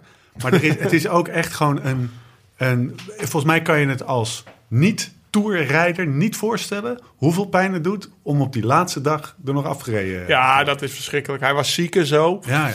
Ja, als hij echt had gewild had, maar ja, weet je, als je daar gelost wordt, als je ziek bent en je rijdt in je eentje rondjes over de Champs-Élysées. Ik weet ook nog dat hetzelfde jaar werd die, eh, die, die breakaway killer, Cheng, Yi, Cheng, in ieder geval die Chinees van eh, Argos toen, of Skill. ja. Eh, die, die, werd, die hoefde het laatste rondje niet eens te rijden. Waarom niet? Ja, omdat die, die was gedubbeld. Oh nee, joh. Maar die is wel in de uitslag opgenomen. Dus dat had Liewe ook wel kunnen doen. Maar dat, ja, ik snap ook wel weer, ja, dat is ook wel weer... Ook wel weer vervelend. zeg Andere, gedubbeld andere, andere tour-herinneringen. Wat was het voor tour voor jou? Met je 14 hoogtemeters in je, in je benen. Een maand van tevoren. Stomptoren. Nou, ik was best wel tevreden over hoe het uiteindelijk ging. Ja, Ja? Het was fantastisch om... Ik heb nog nooit een kopman gehad die tweede werd in de Tour. Dus sowieso was het... eh, en om daarvoor te rijden. En eh, om eerlijk te zijn geloofde ik eigenlijk altijd nog in eh, de winst. Want ik dacht dat, eh, dat G wel, Geraint Thomas wel, Ja. eh, wel een slechte dag zou krijgen. Alleen Ja. die kreeg hij helaas niet. Maar hij was wel weer beter, hij was beter dan, eh dan Vroom, duidelijk. Tom was beter dan Vroom. Dus ja, hoe hij die Tour reed was fantastisch. En om daar gewoon weer bij te zijn. eh, en de Giro en de Tour tweede dit jaar. Ja, maar ja, je weer afvinken als geslaagd. Hoe verhoudt, de, voor jou persoonlijk, hè, hoe verhoudt deze tour tot al die... Hoe, hoeveelste tour was dit? Tiende? Tiende, ja. Hoe, hoe verhoudt dat Nou, zich tot elkaar? Want je hebt een andere Ik rol. moet eerlijk zeggen, kijk, eh, toen ik zelf negende werd en 2013 Ja. klassement reed, weet je wel, toen ik negende werd, eh, toen liep ik echt nog wel twee weken op een roze wolk rond, omdat ik gewoon bij de eerste tien in de Tour had gereden. Was gewoon een droom voor mij die uitkwam. Nou, en nu, eh, als je dan op eh maandag, als je zelf niet bij de eerste tien gereden hebt en je zit op maandagochtend in TCV naar, eh, naar Schiphol, zeg maar, dan, dan is die roze wolk, hè, Benny die had me goed gevoerd, zeg maar, dus die roze wolk was, was even Je weg. had een katertje. Je had een Er was een katertje. klein katertje. De, de podcast niet doorging, dat vond ik niet zo heel erg. En eh, nee, ja, dat is dan toch iets minder. Maar gewoon met Tom zo'n zo'n grote ronde rijden. En dan eh, de laatste drie rondes die hij gereden heeft, was ik bij. En dat was 1, 2, 2 in klassement. Dat was gewoon fantastisch. En ook omdat je zelf... Ik bedoel, de laatste bergrit, ja, we rijden met 30 man die Tourmalet over. Daar zat ik ook nog gewoon goed bij. Ja, daar ben je ook nog van waarde. Dus alle bergritten heb ik wel gedaan wat ik moest doen, denk ik. Dus dat, is, eh, dat geeft wel een goed gevoel. Alleen uiteindelijk zelf die resultaten rijden... Ja, dat geeft, dat geeft een ander goed gevoel. Dat blijft langer hangen. Ja, kan me heel goed voorstellen. ik me heel goed voorstellen. Nog even eh, terug naar Tom. Die heeft toch nu wel definitief bewezen Ja, dat hij... Ik moet steeds aan... eh, 100 procent. eh, weet je, oeuvre-renner Willem uh, Dudok. Ik vind het zo afgezien. dat Hij, is mooi hij is redelijk bezig. Maar, maar, maar dat is zo. Hij, hij, je- we- de manier waarop hij gereden heeft, weet je eigenlijk, heeft, weet je eigenlijk zeker dat hij de komende jaren top drie en naar gelang het Nou, parcours ik zeg eh, net, hij heeft zijn laatste drie grote vormt. rondes. podium was gaat rijden. 1, 2, 2. Ja. Ja, eh, ik denk dat alleen Froome een, eh, beter resultaat heeft. En die, heeft, die had er drie gewonnen op Ja. rij. En dan... of twee gewonnen op rij. Hè, de Tour Vuelta en dan, en dan Giro en Oh, Tour erachteraan. Dus... eh ja, hij hoort er gewoon bij. Ja, zeker. Mooi, Ja. mooi. Ja. Hij zit definitief. Hij heeft me, laat ik het zo zeggen, kijk, ik heb, ik, ik zei altijd al tegen ja, ik heb het er zelf ook gezegd, je, je hebt me verrast. Ik zei, in, ik denk dat ik in 2014, want ik, voor het eerst dat ik echt met hem begon te trainen was na mijn goede tour in 2013. Heb ik wel eens verteld dat ritje door de, voor de, door de Ardennen voor de Eneco Tour te verkeerde met Karsten. Dat staat wel in een oude podcast. Ben je alweer vergeten? Ik zie het daar. Heel. Jonne weet het nog. Ja, zeker. Die knikt, maar, in ieder er geval, weet je wel, toen dacht ik al, dat is geen gewone. In 2014 dacht ik bij mezelf, eh, nou ja, we hadden natuurlijk Bouke toen. Ja. eh, Robert, eh, Kruiswijk. Ik zeg, maar Tom, eh, Wilco, maar Tom gaat toch onze grootste kans zijn op een podium in een grote ronde. Of in de Tour. Maar toen dacht ik bij mezelf, moet er wel zo'n Tour als in 2012 zijn. Met Ja. Wingen, ze was 70 kilometer tijdrijden uit Zo. mijn hoofd. Nou, hij heeft me gigantisch verbaasd hoe hij zijn klim ontwikkeld heeft. Ja. Want dat is nu ook gewoon een wapen van. Ja. Hij kan het ook, het was nu 35 kilometer uit mijn hoofd die laatste tijd, of 30. Ja, nee, 35 of zo. 34 Zoiets, ja. En eh, dus eigenlijk, kijk, als hij een dubbele lengte tijdrit heeft, dan... Nou moet ik eerlijk zeggen, deze tijdrit waren en Vroom en Thomas ook heel dicht bij hem. Dus het zal niet in de minuten gaan, maar dat zou wel beter liggen. Dus eh, ja, zijn klimmen is gewoon gigantisch veel nog beter geworden dan wat ik dacht dat het zou worden. Dus nu, he- dat is voor hem ook gewoon een wapen. En ja, als je een de beste tijdrijder en een van de beste klimmers bent, ja, dan, dan ga je de komende jaren gewoon eh, meedoen. Gewetensvraagje, waar, waarmee ik me misschien niet populair maak, maar die laatste tijdrit. Even eerlijk antwoorden, Lau. Eh, die laatste tijdrit, Geraint Thomas lag zo ver voor. Ja, ik, eh, nou ja, die heeft een belletje gekregen, dat is dan mijn theorie. Die heeft een belletje gekregen van, eh, van onze vriend eh, Brailsford. G, even relaxed, even, je wint die Tour, even relaxed. Froome wint die tijdrit, iedereen blij. Ehm eh, Froome ligt nu tweede, eh, Dumoulin ligt achter hem. Als jij nu de benen stilhoudt, wint Froome de tijdrit, iedereen blij. En toen ging uiteindelijk Dumoulin nog over hem heen. Nou ja, nee, daar heb ik ook aan gedacht. Zeker, omdat hij lag... Ik weet niet precies... Prima, ik, hoor. Winnen Ik is zat winnen. in de auto. Ik heb die beelden niet teruggezien. Eh, maar ik zat in de auto op een De of ander er schermpje. eh, ja, op een of ander schermpje dat te kijken. En uit mijn hoofd lag je op een gegeven moment 13 seconden voor. Ja. Best wel veel. Ja. Dus ik, kan, eh, ik heb er ook aan gedacht. Ik kan, Genoeg reden om die call te maken. Van, joh, Ja, ja, zeker. Alleen, eh, ja, toen, toen bleek Vroom dus niet de eerste te zijn. Maar ik weet, dat zou je, ja, dat zullen we nooit weten. Nee. We hebben zelfs aan gedacht, we, bij wijze van spreken, dat, dat de ASO liever Tom op één had als, als, als Vroom. Had ook nog gekund, weet je wel. Ja. Heb, heb, eh, is ook nog door mijn hoofd geschoten. Van, en eh, en eh, weet je wel. Dat er nog een tijd, ja, ja, tijd want uiteindelijk die tijd, is die, gedaan. die tijdwaarneming die klopte van geen kant natuurlijk op dat moment. Maar hoe dat uiteindelijk gegaan is. Mooi, hè? maar gelukkig is dat niet zo, want dat is uiteindelijk wel goed eh, nagerekend allemaal. Maar dat is, dat is ook bij Tom door zijn hoofd geschoten. Ja. Daar heb ik het natuurlijk met hem al over gehad daarna, weet je wel. Hoe zat dat nou precies? Of, want daar- daar- Tom voelde zich daar in de eerste instantie ook best wel lullig over. Ja, nou ja, want eh, Vroom zat daar. Hij vertelde Ja. hoe dat er ging. Zo van, Ja, heel ja, awkward beeld. Ja, ja, die zo hot van, seat. ja, ik heb gewonnen, weet We je wel. En. Tom, en Tom die feliciteerde me al. Ja. Van, nou ja, gefeliciteerd, je hebt gewonnen. En uiteindelijk werd dat omgedraaid. Dus dat was ook apart. Heel ongemakkelijk. Maar eh, nou ja, als Beeldschot dat belletje hebt gedaan... mag je nog een paar keer voor mij zo'n belletje doen. Ik bedoel, ik was er niet... Ja, ja ik, was, ik was er niet eens op. bellen. Nou, zoals ik al zei, het is veel te laat om over de Tour eh, terug te blikken. Nou ja. Laten we naar de wielenactualiteit gaan. Eh, Fabio Jacobsen, de man Tering, die zijn, de man die Wat een zijn, buffel. eh, de man die zijn cassette in zijn body trekt, volgens. eh, Ja, dat, dat zei Nicky, hè? Dat hij zo hard sprintte dat hij zijn cassette aan gort eh, maar trapte. maar, maar de, ik refereer even aan zijn winst gisteren in de Big Ja, ja, ik heb het gezien. Ik heb niet zoveel koers gekeken, maar gisteren heb ik... eh, We hebben gezien. gewoon een, eh, de komende jaren een duel eh Groenewegen. eh, Ja, ja, Jacobsen. twee sprinten. Nou, ik, ik ben jaren opgegroeid zonder sprinten. Want tussen Blijlevens en nu hebben we nooit een sprinter gehad die een rit in de Tour kon winnen. Nee. Nee. Ik bedoel, we hadden een, ja, een tijdje Kenny, maar die heeft geen ritten gewonnen in de Tour. Dus eh, ja, dat is wel leuk. Ik bedoel, ook mijn Heel kinderen die, eh, die zien eh Groenewegen winnen, weet je wel. Wij wilden altijd klimmetjes spelen, maar eh, dan waren ze nog Dumoulin aan het spelen en, en papa Laurens toen ik thuis kwam. Maar maar Lau, is er een reden dat we, dat we nu zo rijk bezaaid zijn? Of, weet ik niet. Wat- ik denk dat we het over dat? een jaar of 10, 15 eh, weer zijn. Want ik heb, die twee, ik heb maar twee criteriums gedaan. Maar weet je hoeveel kinderen daar stonden? Ja. En mijn kinderen, ja, mijn gras in mijn tuin was al stuk. Maar je hebt echt een baantje door de tuin heen. Want Jens had hekken gemaakt. Hij stak... eh, Ik, ik zeg, ja, we hebben een schans. Maar ook, Schans, ik zeg, wat doe je nou, joh? Hij stak zijn hand op. Ik wil water. Dus hij was daar achter het kijken. Papa water. Stond ik Heeft hij van jou geleerd? Ja. Want ik hoorde, ik hoorde even, sidestep, ik hoorde een, de bicycle, nou shit, moet ik even goed denken. De, de Velo Nieuws podcast, hoorde ik een anekdote over jou. Dus jij let veel ree. Schitterend. Oh, daar hebben op- wel water af aan. Nee, je? jij stond bij de start voor de Leadville 100. Ja. Je hebt een lekke band, Ja. terwijl je nog in het startvak staat. Ja, en wat doet mijn meneer de diva? Die steekt zijn hand op. Iedereen stond me uit te lachen. Want in het mountainbike Waarom heb je je, hand eigen troep regelen. Dus ik... Nou, ja, als je het toch over die anekdote hebt. Nou, in 2016 woonde ik in Amerika. En eh, Wat een diva. ik reed de Tour. En dan anderhalve week na de Tour op de, op de, vloog ik naar, terug naar, eh, naar Amerika. Dus ik was op dinsdag gev- gev- eh, gevlogen met de kinderen.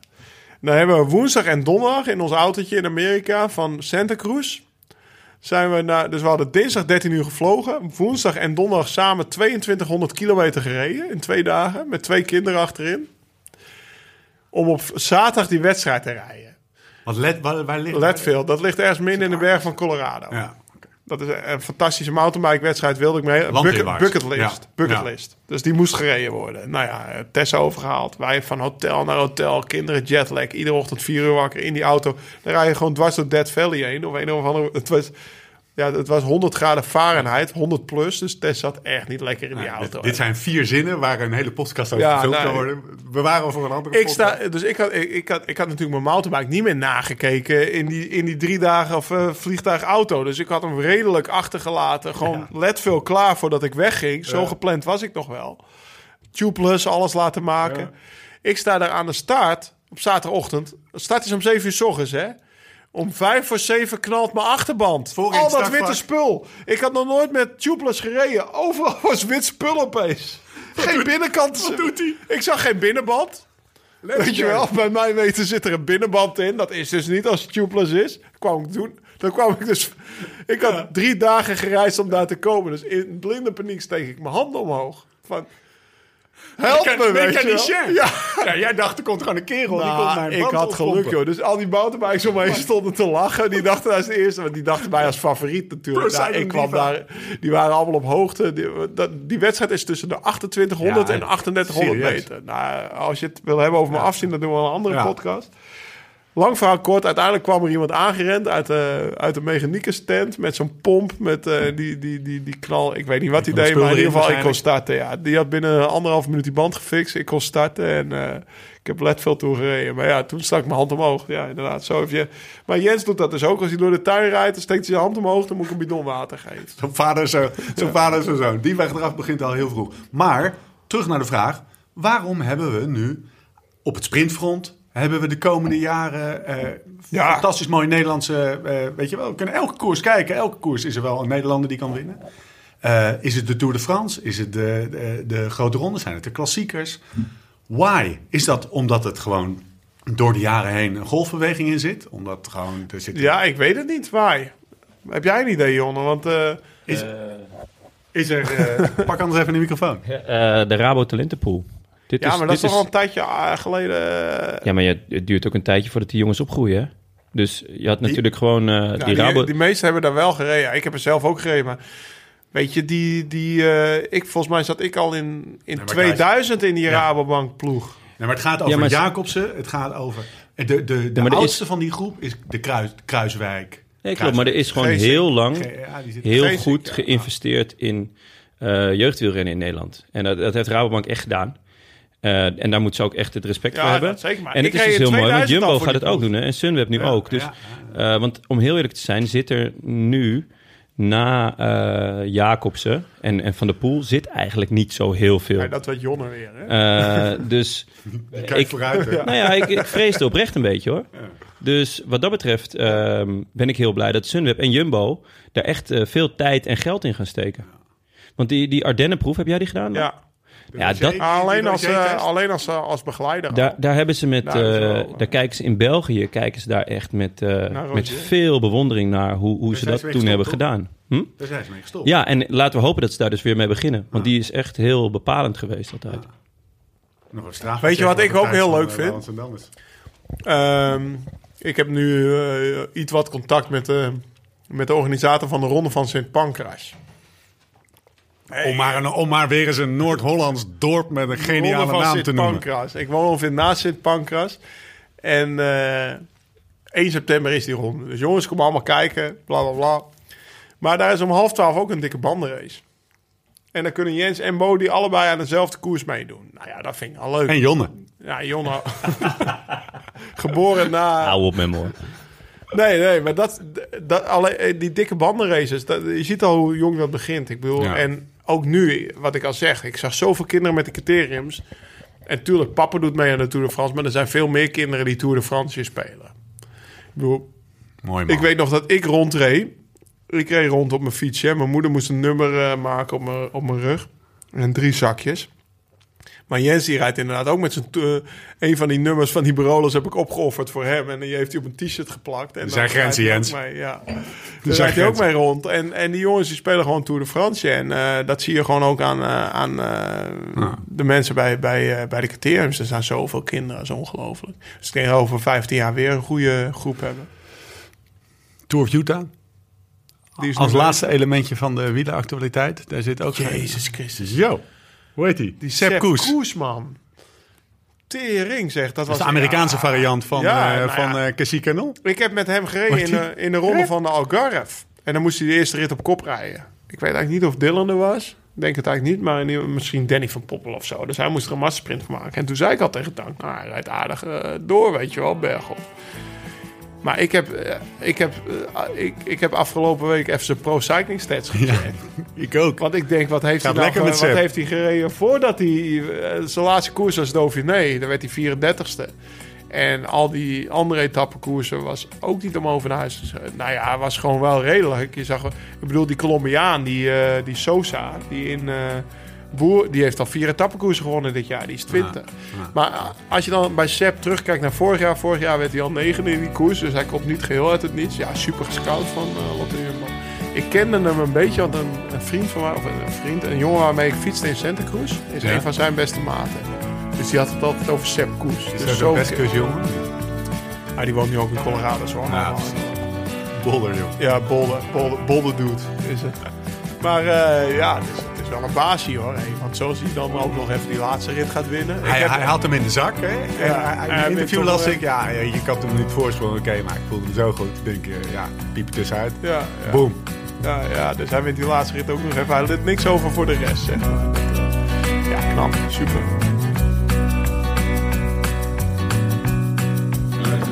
Maar Unibet is wel iemand die eh, best wel... Ik heb natuurlijk voor ze. Ze zijn beter geworden. Maar ze hebben Benen Koek ook gesponsord om gewoon die pokertoernooi. Ze hebben mij zelfs gevraagd of ik het Antwerpen open wilde. Poker. Echt? Met die Unibet op mijn bed. Ja, maar je wordt, je wordt geselecteerd op IQ. Dat zou er wat zijn. Ja, maar Oh, halen ze mensen in. Ja. Wel- Ja, ja. Nou, serieus? Ben je Ja, voor een serieus. poker? Dat moet je doen, gek. Ja, tuurlijk ga ik dat doen. Het is heel tijd dat ik jouw agent word, gek. Echt waar? Ja, het is hoogst tijd dat hij stopt, want dan kan ik dat soort dingen gaan doen. Maar met Benen Koek, ik, toen ik, wij hebben samen Aan de Unibet pokertafel. Ja. podcast. Maar wij hebben bijvoorbeeld, eh, ik reed met Benen bij Unibet en in 2000, nou ja, dat was in 2007. En in 2011 reed ik voor het eerst, is het voor de podcast? Jawel, lach. Hij staat aan. In 2011 reed ik voor het eerst eh, de MGN Tour. Californië. Die startte in Lake Tahoe, waar ik later ben gaan wonen. Maar dan in de zuidkant, waar al die casinos zijn. Dat Ja. is net Nevada. Ja. Daar mag je dus casino, eh, zelfs als Vegas. Dus Maar ja, dat is ook op hoogte. Dus wij van Rabobank toen waren business class heen gevlogen. Er was een ploeg met het grote geld, weet Ja. je wel. We zaten daar een week van tevoren, want je moet aangepast zijn op hoogte. dus wat hadden we daar te doen? Niks, behalve twee, drie uur per dag fietsen. En, eh, en, eh, en, en wachten totdat die koers begon. Maar die mannen waren allemaal nog wel een beetje, ja, die waren zeg maar van de obligaties. Mijn ploegmaats. Maar met benen kon ik echt goed opschieten. Eh, hoe heet die andere Amerikaan nou? Eh, of ja, benen is Australië. Maar Bobby Julich, die heeft me Ja. daar blackjack geleerd. Ja. Dus 21 e Ja. En als Derde we in de Tour van 98. al- ja, als we dan gingen pokeren... Dan zat ik alleen met benen koek aan die pokertafel met al die andere gasten uit. de- Je petje ja, ja, na drie, vier dagen was ik hartstikke verveeld, weet je wel. Moest nog drie dagen wachten op de koers. Zaten we daar zo te pokeren met z'n tweeën. Koek, hè? we die, heeft veel, die heeft toevallig- veel sprintpunten bij elkaar. Ja, we hebben eh. toevallig... Ja, mijn benen was een gok, hè. Dat was Ja, echt een tomkop. Ja. Ja, ik heb een keer met hem gegokt, weet je wel. Ik weet niet of je dat kent, dat snoes. Dat pruimtewaar. Ja, ja, ja. onder je onder, je, onder je bovenlip. nou ja, ik had twee jaar met hem in een ploeg gereden. Dus na het eerste jaar zei hij tegen mij eh, op het eerste trainingskamp... van nu tot het begin van de Tour ga ik geen, eh, ga ik geen snoe... of tot het begin van de... eh, of ja, het hele seizoen tot de Ronde van Vlaanderen. Het Ja. was denk ik tot de Ronde van Vlaanderen. Geen snoes meer. Ga ik geen snoes meer gebruiken. Staat op de Ik zeg, lijst, ik zeg, geloof je niet? Nee, Nee. het is gewoon tabak. Ja, precies. Ik zeg, geloof je niet? Weet je wel, ik deed dat aan die troep, deed ik al niet. Ik zeg, geloof je niet? Wedden, wedden, zegt hij, 500 dollar of 500 euro. Ik zeg, ja, is goed. Weet je wel? Dus wij rijden het omloop het nieuwsblad. Dus nog voor de ronde van- omloop nieuws, was- we hadden echt goed met de ploeg gereden. Hij was vijfde, ik had zelf ook goed gereden. Ik, eh, dat is de koers nog waar ik het meest trots op ben in mijn carrière. Gaan we ook een podcast over doen, schrijf maar op, Jonne. Omloop het nieuwsblad. Ja, omloop nieuwsblad 2007. Maar... eh, Het volk toen nog ja, dus waarschijnlijk. zij zitten daar achter in die bus, daar in het rondzitje. Bij Uniwet had je Ja. achterin zo'n rondzitje. En dan zaten ze hoor, hij en Jamie Hunt, hup, snoes onder de lip. ik, ik loop ze naar achter, ik zeg, benen. Oh, Jeremy Hunter, ook zo'n sprinter. Ja, ja. Dat zijn de gekken. ik zeg, Jeremy, eh, ik zeg, benen, wat heb je onder de lip? Hij kijkt me zo aan. Ken ik even pinnen? ja, echt waar. Een week later had ik het geld, hè? Ja? Ja, ja, ja, serieus. Het is een gokker, maar als hij verliest, eh, dan, eh, dan betaalt hij ook uit. Eh, dat even terzijde. De kleine. Waar hadden we het over? Dachten wij dat de voetballerij bekend stond op zijn kaartspelletjes met de, de gebroeders de Boer. Maar dit is, eh, dit is serieus eh, de snuscompetitie in de wielrennerij, jongen. Toen kon dat nog. Over snoes gesproken. Voeding. Voeding, nou, daar zit snoes niet tussen. Hoe eh, voeding is... Ik introduceer hem Oh, wacht heel- even. Ja, ik wou het zeggen. Want we- dit was het intro, hoorde ik net. En we zaten al op 57 minuten. Ja, ja, inderdaad. Dit is de nieuwe benchmark, gast. Dit is, dit is Hoe lang gaat deze podcast duren? Nou ja, ik heb eh, tot eh, morgenochtend 7 uur. Maar waar ik het over wilde hebben en waar ik me even sterk voor heb Dit is gemaakt het in deze hoofdonderwerp van de podcast. Zeker, Wilde jij erin hebben? zeker. Laten we het even gezegd hebben.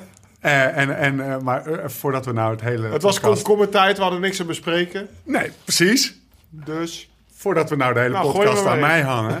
eh, denk ik dat ik namens een hele grote groep wielrenners in Nederland spreek... eh, als wij het eens over voeding gaan hebben. Want we zien jou eh, lean en mean op die fiets zitten... met ik weet niet hoeveel watts per kilogram tegen die Alpe d'Huez... Laat je je een beetje half duwen en kom je waarschijnlijk onder het uur binnen. Maar er is een hele grote groep van 849.000 tourfietsers, Laurens Dam in Nederland... die daar anderhalf uur over doen. En ik weet uit ervaring wat de, je gewicht doet op bijvoorbeeld Ja. Alpe d'Huez ten opzichte van eh, met je klimtijd. ik, ik heb eigenlijk Voeding- geen idee wat een kilo doet. Maar dat kunnen ze mensen vast Ik weet wel het, eh, exact. uit. Oh, weet het. Op een wielrenner van 75 kilogram doet een kilo 31 seconden. Oké. En 5 kilo duurt ongeveer, pak, doet ongeveer eh, 150 drie- seconden dan. Nee, dit, dit, dit- dat, dat veronderstelt een lineair verband. Dat Ja. is er in, de- in deze niet. Dat is ongeveer drie minuten. 172 seconden. Fuck, dit is echt sick dat ik dit weet. Het onderwerp is voeding. En de impact die voeding heeft, niet alleen op, eh, op hoe snel je de Alpe d'Huez opfietst, maar überhaupt de impact die voeding heeft in het bestaan van, een- van, een- van een profielrenner. Ja. En ik weet dat jij daar bewust mee omgaat. Vandaar dat ik hem er even doorheen druk. Maar ik weet ook dat jij er veel van vindt. Ehm, wat voor rol speelt... Twee vragen, om hem even te introduceren. Wat voor rol speelt, hoe bewust ga jij met voeding om in het... eh, Ja, eh, off-season en bewust. on-season. En dus tijdens de koers. Maar ik vind het eigenlijk interessanter, want tijdens de koers hebben we het al vaker over gesproken. Vooral nu. Eh, Of eh, in, in je trainingsperiodes. Dat is vraag 1. En vraag 2 is, hoe heeft zich dat door de jaren heen... Ik ben in 2000, wanneer ben je begonnen? 2004, 2005? Hoe heeft zich dat ontwikkeld? nou, het zijn een aantal Grofweg. Hele leuke vragen met best wel leuke en lange antwoorden. Ik heb de tijd, Lau. Ja. maar eh, eh, om allereerst te zeggen, het is heel belangrijk. En nog steeds maak ik stappen in mijn voeding. Zelfs, eh, ik ben nu 37. En met behulp van de ploeg, ik heb, eh, want jij zei tijdens de koers vind ik niet zo heel interessant, maar zelfs wat ik nu tijdens de koers heb geleerd, doordat wij dat op de calorie nauwkeurig uitrekenen, zo kan je het wel zeggen Ja. Eiwitten, koolhydraten, vetten verhouding ook tot op de... Merk ik gewoon dat ik de laatste twee... Want ik heb dit jaar de Giro en de Tour op, op, op personal plates gereden. Zoals wij dat noemen. Dus ik krijg mijn bord voor me, dat eet ik op, dat is het. ja. Ik krijg s'avonds eh, mijn bord voor me, dat eet ik op, dat is het. En, dan heb En ik verder een aantal- niks. Eh, nou, ik heb 's ochtends mijn ontbijt. Dat is het. Dan weet ik wat ik voor de koers... een proteïnereepje krijg, Ja. klein... en een banaan of een rijstwafeltje. Dan geef ik op wat ik in de koers gegeten heb... en wat ik in de koers verbruikt heb. Ja. Nou, die, die herstelmaaltijd die staat dan klaar in de bus. Want daar kunnen ze niks, niet veel meer aan veranderen. Dat is gewoon genoeg voor de eerste paar uur. En aan de hand van wat ik heb gegeten tijdens de koers... en wat ik heb verbruikt tijdens de koers... passen ze mijn diner aan en krijg ik een aantal snacks. Dus ik krijg s'avonds mijn diner en dan heb ik nog midnight snacks of evening snacks. En, dat, en dat is iets van de laatste Dat is jaar afgelopen. of afgelopen zijn, jaar? ze voor, daar zijn ze bij de ploeg vorig jaar mee begonnen. Met Tom in de Giro. En Wilco, maar die viel in de blokhouse etappe al uit. Dus uiteindelijk was het al Ja. met Tom. En dat hebben we uitgebouwd. En dit jaar in de Giro waren het vijf renners. En dat is een beetje de max voor de kok. Want je moet Ja. alles tot op de gram nauwkeurig Ja. afwegen. En dat is heel veel werk. Ga maar eens voor vijf man 100 per gram of 130 gram pasta afkoken. En zoveel gram rij. eh, weet ik veel. Ja, je wordt gek. Ja. Wij moeten s'avonds onze eigen snacks nog afwegen. Dus dat gaat echt in de ca- categorie van 20 gram noten. Zoveel rijstwafels, Ja. één appel, één banaan. Ik, ik zeg net gekscherend, en we hebben het er al eens eerder over gehad, maar het blijft me verbazen. Het je fietst een mamot en je moet nog even lekker Ja. die 50 gram cashewnootjes gaan zitten afwegen. Terwijl je het leven niet meer hebt. Ramon Sinkeldam zit een week na de Tour na, bij me thuis. Die is vier, drie kilo aangekomen. Nou, vier is overdreven, maar laat het twee of drie zijn. Ik, wij, ik, Hm. Dus Tom- niet elke ploeg doet dit. Nee, wij zijn de voorlopers. Misschien Hm. doet Sky dit nog niet eens. Ze zijn ermee begonnen. En eh, Lotte, Lotte Jumbo, Jumbo is er ook, ook een beetje mee begonnen. Die hebben er natuurlijk een beetje afgekeken. Want die koks zijn ook niet gek. Die al in hotels Lasbo. zijn, die zien onze kok alles afwegen. Ja. Waar ben jij mee bezig? Dus dan wordt natuurlijk vrij Ja. snel doorgebriefd. Ik bedoel, als je dat echt geheim wil houden, dan moet je je eigen kooktruck hebben. En dan eten wij alleen daarin. En dan moeten wij er niet over vertellen en dit en dat.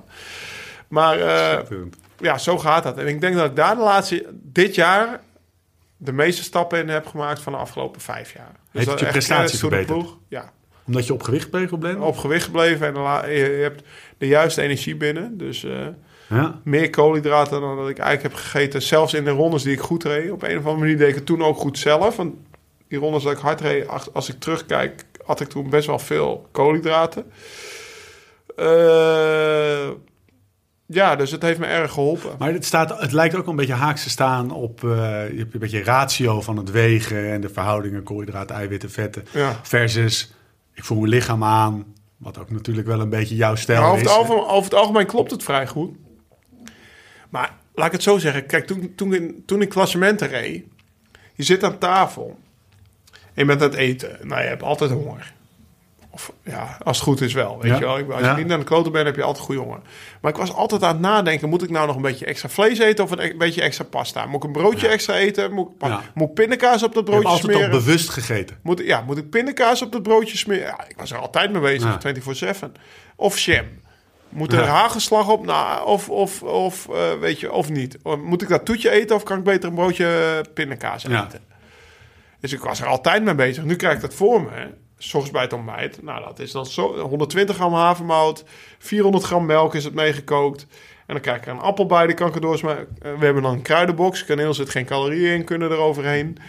Eh S'avonds kan je knoflookpoeder over je pasta... Ja, maar knoflookpoeder over Tip je pasta gooien. Ja. Ketchup was vrij. Zoveel Oh. ketchup gebruikte ik niet. Er zit ook niet heel veel in, zeg maar. Oké. Rode sausen, suikers. Ja, oké, maar dat ik bedoel, voordat je veel suikers en ketchup wil op, eh, dan moet je die fles in je mond zetten. Ja.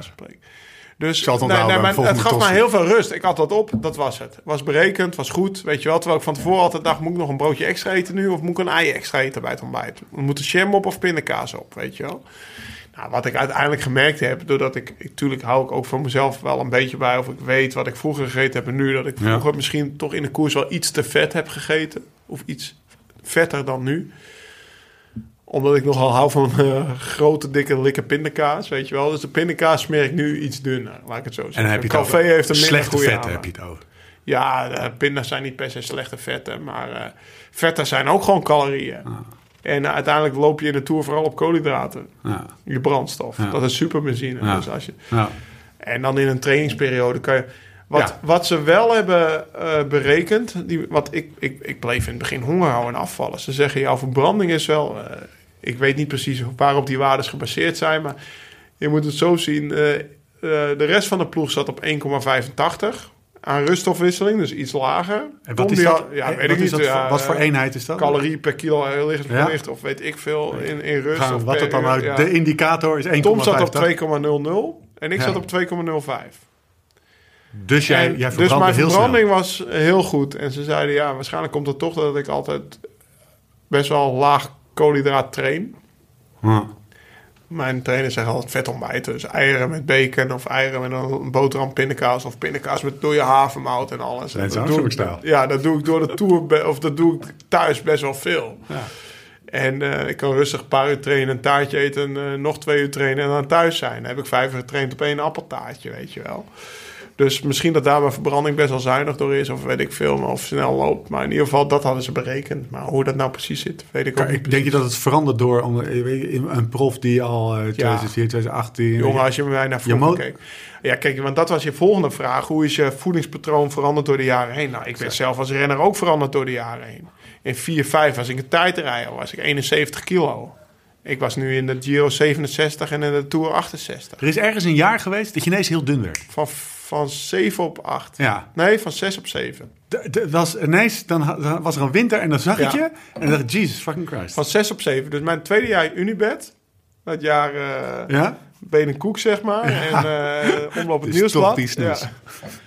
Eh, toen, toen ben ik heel veel afgevallen. En weet je waar ik heel van geleerd heb? Nou, dat ging ik dus vertellen inderdaad. In, ik, ik bedoel, ik, ik, ik kwam als neo, als eerstejaars prof bij Bank Giro Loterij. Ja. Dat was zeg maar de ploeg waar toen Bart Voskamp, al die eh, Rick Reinerink, eh, nog een, weet, hoe noem je die nou? Nou, Een aantal renners gingen naar Chocolade Shark met een man of Ja. vijf. Capio ging mee. Dat was het bierteam tussen twee haakjes. Daar ging ik naartoe. Bij Team Facta. topteam. Ja, bij Team Facta vandaan. Deze ja. ploeg Ja. kwamen drie of vier mannen. Pedersen, Andersen, dus mijn nieuwe ploegmaat. Ja. Dus die mannen waren weg.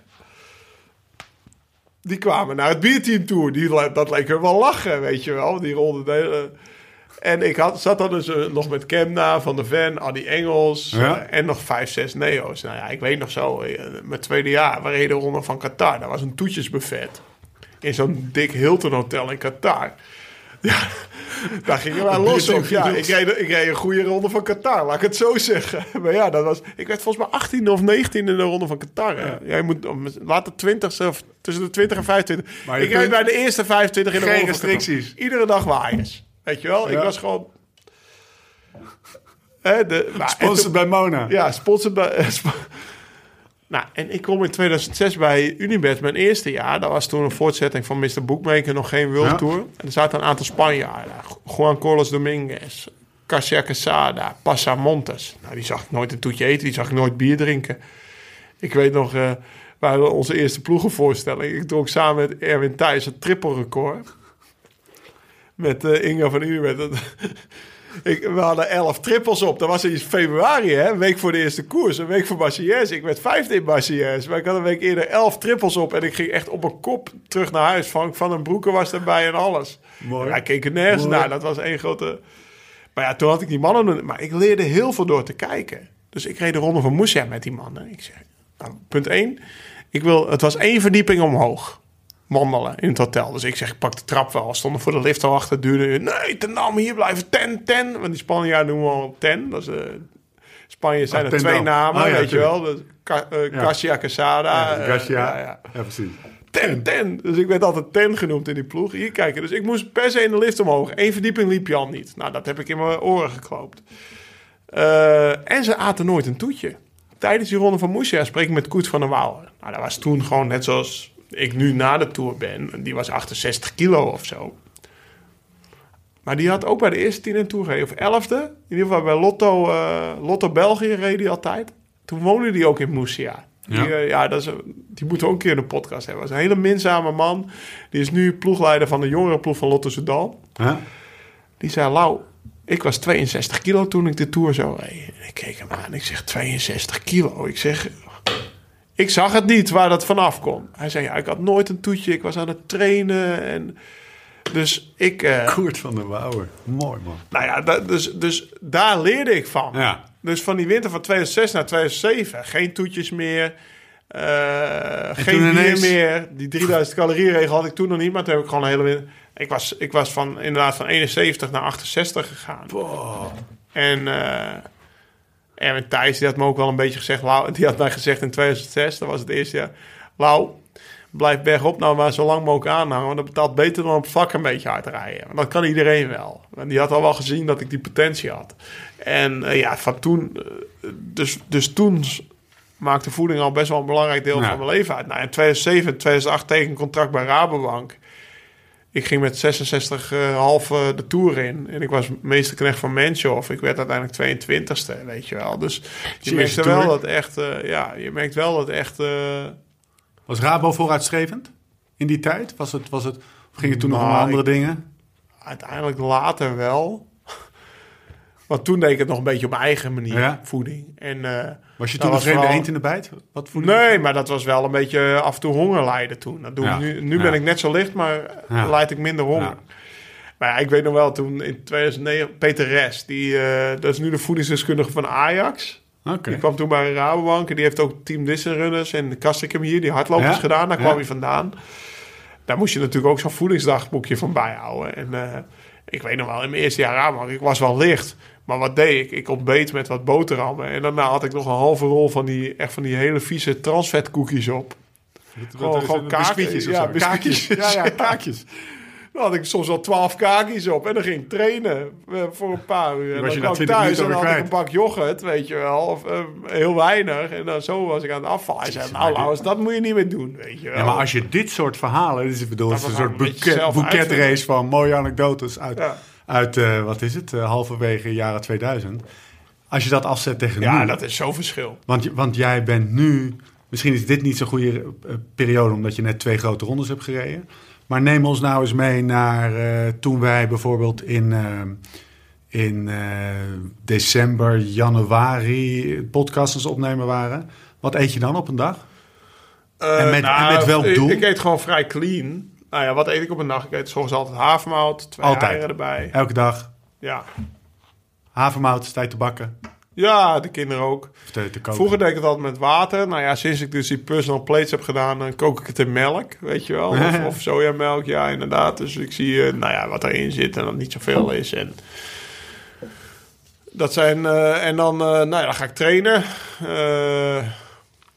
Vroeger had ik heel weinig in trainen, dat hangt een beetje vanaf. Ik eet soms nog wel een keer weinig. Pas je je voeding aan aan het soort training wat je gaat doen? Ja, dat zeker.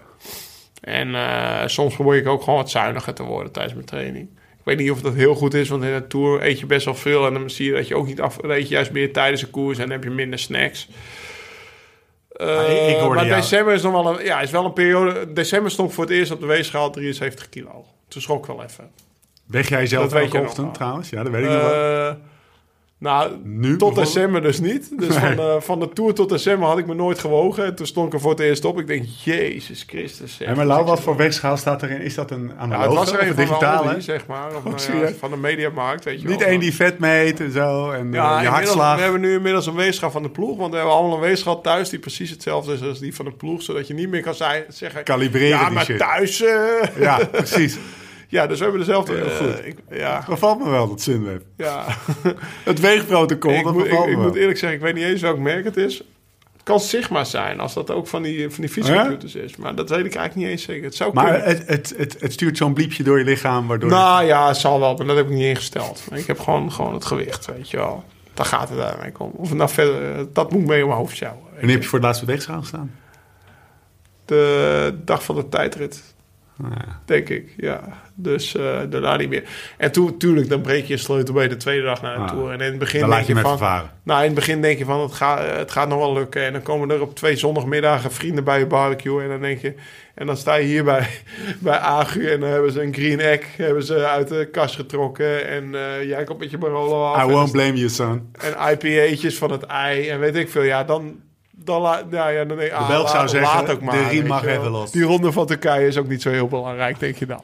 Maar nee, als, als ik gefocust ben, dan sta ik iedere ochtend wel op de weegschaal. Ja. En dan, eh, nou ja, ik, ik eet gewoon vrij clean. En eh, ik had er ook met Tom over wat hij nou tussen de Giro en Tour ingedaan had. Want die was ook nog een kilootje kwijtgeraakt. Hè? Dat Ja. is misschien ook wel... eh, Ah, dat zag je vooral bij hem heel erg. ja, eigenlijk gewoon heel clean. Dus gewoon goed je eiwitten.